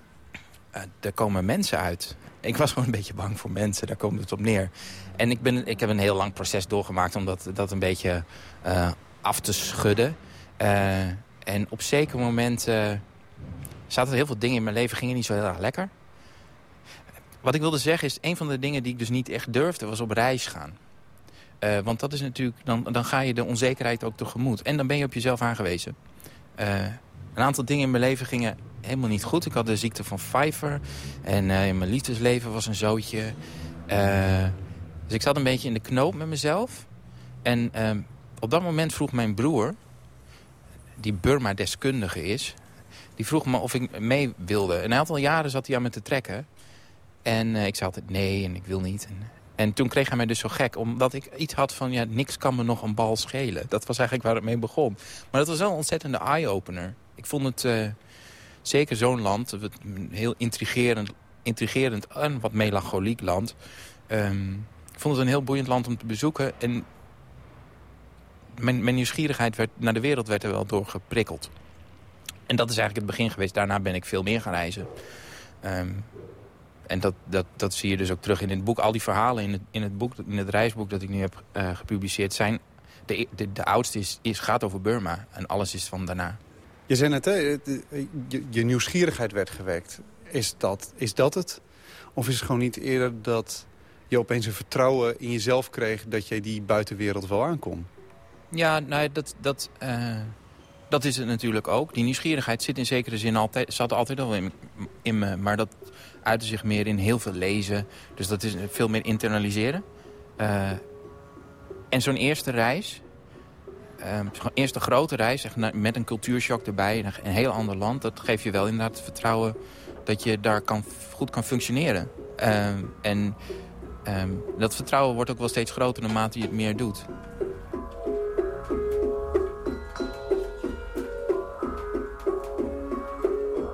Je, je beschrijft bijvoorbeeld... Oh, nog gaat wel. Uh, nee, weet je wel. Nou, dat moet toch zijn, dan eindelijk zover? Ja, hoor. Op een gegeven moment ben je toch blij dat je gepakt wordt. Ik ben een keer gepakt. Ja? In Rusland. Toen, en dat, dat, dat, ik was er met, met een Duitse fotograaf. En, en we gingen in de winter uh, de Poolcirkel in naar Moermansk. De grootste stad in de Poolcirkel. En daar ligt de uh, nucleaire onderzeevloot van de Russen. Ze zijn daar een tikje paranoïde. Hele interessante stad. Uh, en die fotograaf was, was, een, die was lekker aan het schieten. Die was mooie foto's aan het maken, onder andere van treinstellen. Maar die bleken militair significant. En toen zijn we dus gearresteerd en verhoord door de FSB, de opvolger van de KGB. Daar heb je ze. Um, en dat was... Ja, ik maakte me niet zo druk, maar die Duitsers wel heel erg. Want Duitsland had op dat moment net mot met de Russen. Dus die dacht echt dat hij op weg was naar Siberië. Maar jij dacht, ik maak iets mee tenminste. Nou, ja ik, ja, ik weet We hadden een tolk die heel erg op onze hand was. Tenminste, de tolk van de, van de FSB was heel erg op onze hand. Dus die lulde ons eruit. En die maakte ook nog een grap toen, toen we weggingen. So, no Siberia for you. Maar dat is toch... Maar denk je dan niet stiekem op zo'n moment dat dat gebeurt van... ik maak nu echt iets mee. Dit is naar buiten gaan. Nee, nou, op de een of andere manier ben ik dan toch wel heel gelijkmatig. Als, als, als je... Ja, dat is wel een beetje een ding. Dat, dat is misschien ook wel de melancholische mens. Die is wel een soort van gelijkmatig, denk ik uiteindelijk. Um, ja, ik dacht wel, ik maak iets mee. Ik had, ik had het mijn broer, mijn broer ge, ge, gemaild van... hé, we zijn net al verhoord door de geheime dienst. En die had meteen zijn connecties bij Dagblad De Pers, ook al ter ziele, uh, gebeld. En toen ik in Nederland uit het vliegtuig stapte, hingen die meteen aan de telefoon. Want die roken een rel. En ik dacht, van, maak je nou, nou druk met een paar uur verhoord? Dat is echt helemaal niks. Ga weg. Ja. In je boek stel je, je, wat je gaat aantreffen daar, dat is iets dat je eigenlijk al van tevoren voorneemt. Dat verschilt wel per locatie. Dat is vooral in Amerika is dat heel sterk. Omdat je... Uh, helemaal door deze bent, je hele leven doordezend wordt door dat land. Uh, en dat land is dan ook nog eens echt zo. Je rijdt, als je door Amerika rijdt, rij je, rij je echt door, een, door één groot filmdecor. Je kent al die films. Dat is Thelma en Louise, dat is Badlands. Je kent het gewoon allemaal. Uh, dus het, het is, je ziet het denk ik ook niet echt. Het, wat je ziet is een combinatie van wat je waarneemt... En, en alle, alle popcultuur en alle literatuur en alles wat je hebt meegenomen. En dat gaat dan een soort van rare kruisbestuiving aan. En dat is wat er in, in je hoofd zit. Reis je dan eigenlijk wel? Um, nou, dat is een goede filosofische vraag. Reizen we überhaupt dan nu nog ooit? Want we gaan, als wij nu op reis gaan, dan zijn we volkomen voorgeprogrammeerd. We, we, hebben er nog net niet via Google Maps, of misschien net wel trouwens. Sommige mensen doen dat ook. Die gaan gewoon eerst kijken op Google Maps. Uh, hoe ziet dat stadje eruit? Uh, dat hotel, ligt dat een beetje leuk? Dat is dan reizen, anno nu. Um, en een deel van het gevecht van reizen nu is ook daar los van te komen. En dat wordt, dat wordt steeds moeilijker. In die reizen ben je ook heel nadrukkelijk een schrijver. Is dat iets dat met terugwerkende kracht gebeurt... als je ervoor gaat zitten om het verhaal naderhand helemaal af te maken? Of ben je op die momenten dat je daar, waar dan ook ter wereld bent... ook echt bewust van, ik zit hier niet alleen als, als auker... maar ik zit hier ook als schrijver? Ja, dat laatste vooral. Ik heb heel veel moeite met eh, vakantie. Ik voel me heel schuldig als ik niet aan het werk ben. Ehm, een reis is voor mij een manier om het tegelijk eruit te zijn. Iets te zien, iets mee te maken, me te verrijken. En toch ook aan het werk te zijn. Dus ik kijk wel altijd, denk ik, met, eh, met, de, met de blik van hoe, ehm, hoe wordt dit tekst. Ehm, ik denk dat ik, ben, ben heel haastig iemand. Ik heb altijd haast. Dus het, vakantie voelt als verloren tijd. Daar moet ik misschien eens wat aan doen. Ehm, het heeft wel voor- en nadelen. Een voordeel is eh, dat je eh, veel scherper kijkt. Omdat je, omdat je met een, met een zekere eh, doelgerichtheid op weg bent. Eh, een nadeel daarvan is, is dat je... eh, dat- de, de, de rijkdom van het lummelen je wat ontgaat. Zo nu en dan. En daar zit natuurlijk ook rijkdom in. You win some, you lose some. We begonnen dit gesprek over een zeker eh, melancholie die in, jou, in jouw reizen zit. Wat er ook in zit, zoals ik het las... is ook een zekere wens naar betekenis. Hè? Dat het ook zin heeft. eh, als je, jouw reizen moet een zeker punt hebben, een zekere zin hebben. Die voeg je er zelf aan toe. Zou luieren nou niet helpen om je daarvan te bevrijden? De, de drang naar zin? Ehm, nou ja, de, de vraag is, moet je jezelf daarvan bevrijden? Wil ik dat? De drang naar zin. Het komt toch weer, ik kom weer terug bij dat ik haast heb. Het, het klinkt, nu ga ik iets heel pathetisch zeggen, maar uiteindelijk gaat het eh, ook een beetje over dat de doodje op de hielen zit. Dat is waarom je haast hebt. Tenminste, ik wel. En dat is ongetwijfeld niet los te zien van het feit dat mijn vader heel jong is overleden. Even wat psychologie van de koude grond er tegenaan. Ehm, En wat ik, wat ik al heel, st- heel sterk heb al mijn hele leven... is, ik ben, heel wel, wat ik, ik ben melancholisch, maar ik hou ook heel erg van bewonderen. Ik kan, ik kan mensen die mooie dingen maken of dingen doen... eh, grote prestaties leveren op een fiets of whatever... ehm, ik kan die heel erg bewonderen. En ik wil eigenlijk altijd een soort van... Wat ik bewonder wil ik voor mezelf ook. En ik vind dat er altijd te weinig van is. Eh, dus dat is ook wel een soort van doel met, ik, ik wil dingen maken om er, iets aan, om er iets van mezelf aan toe te voegen. Ook voor mezelf. Omdat ik gewoon zelf... ehm, omdat ik zelf graag wil dat er meer is. Om van te genieten voor mezelf. Geniet ik van mijn eigen werk? Wacht even. Dat is een goede vraag die ik mezelf nu stel. Eh, ja, dat denk ik wel eigenlijk. Bij vlagen. En soms vind ik het verschrikkelijk. Ehm, Lijkt mij een hele gezonde constatering eerlijk gezegd. Als je het allemaal geweldig vond, dan was je overduidelijk gestoord. Niet dat omdat het slecht is, maar omdat ja, het, eh, ge- een zekere gezonde verhouding tot je werk is goed. Eh, en als je het alleen maar slecht zou vinden, dan zou er geen reden zijn om het te schrijven. Nee. Nee, ik denk ook dat dat, eh, dat gevecht tussen goed en slecht... dat houdt je ook in, de, de, eh, in gang. Eh, en daar wordt het uiteindelijk denk ik ook wel weer beter van. Misschien is, bereik je als. Ik heb geen idee. Misschien bereik je als schrijver op zeker moment inderdaad een punt... dat, die, ehm, dat je het of allemaal verschrikkelijk vindt... of dat alle zelfkritiek verdwijnt. En dan word je heel ehm blasé of ehm, inert. Of dan is het klaar. Is dat, heeft, heeft dat, hoeveel heeft dat eigenlijk met schrijven te maken? Want dan komen we weer bij het begin aan. Jouw, jouw overwonnen angst voor mensen... die stelt je in staat om dingen te doen... die je misschien daarvoor niet had gedaan. En belangrijker misschien nog, eh, die stelt je in staat om dingen te zien... die je daarvoor jezelf misschien niet toe kon staan. Omdat er te veel angst was. In hoeverre is het, gaat het niet om het maken van dingen... maar om de schoonheid te, te durven zien in de zaken? Ehm, zo, daar ga ik even over nadenken, als je het niet erg vindt. Nou, dat, dat is in elk geval wel een van de zegeningen. Ik denk tegenwoordig veel vaker, hoewel, hoewel ik het leven nog steeds in wezen als redelijk zwaar ervaar. Ik denk wel steeds vaker van, jezus, dat, dan ben ik blij dat ik dat heb mogen zien of mogen doen of mogen meemaken. Of dat het in elk geval, dat, dat de dis niet eh, eentonig is geweest. Eh, en zal zijn, hoop ik. Ehm, het is in die zin wel een soort van een bron van geluk. Binnen de beperkte mate waarin ik geluk kan ervaren.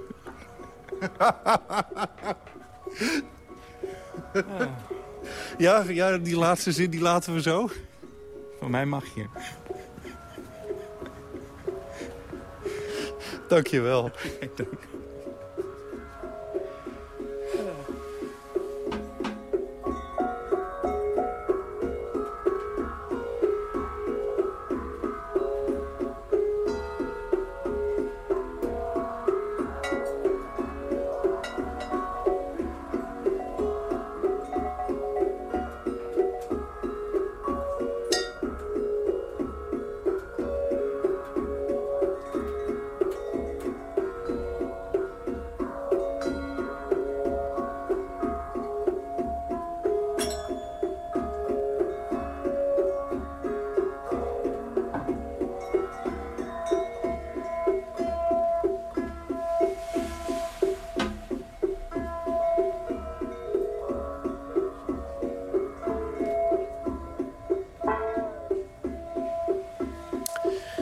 Schrijver en journalist Auke Hulst was dat over zijn nieuwe boek Buitenwereld Binnenzee, verschenen bij uitgeverij Ambo.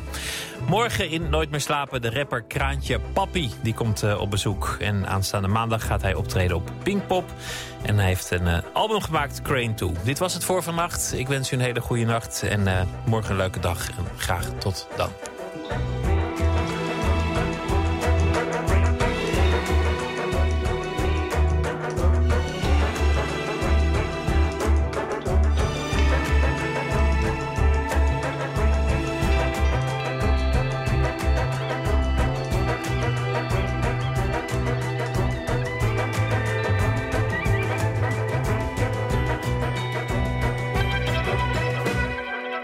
Radio 1, het nieuws van alle kanten.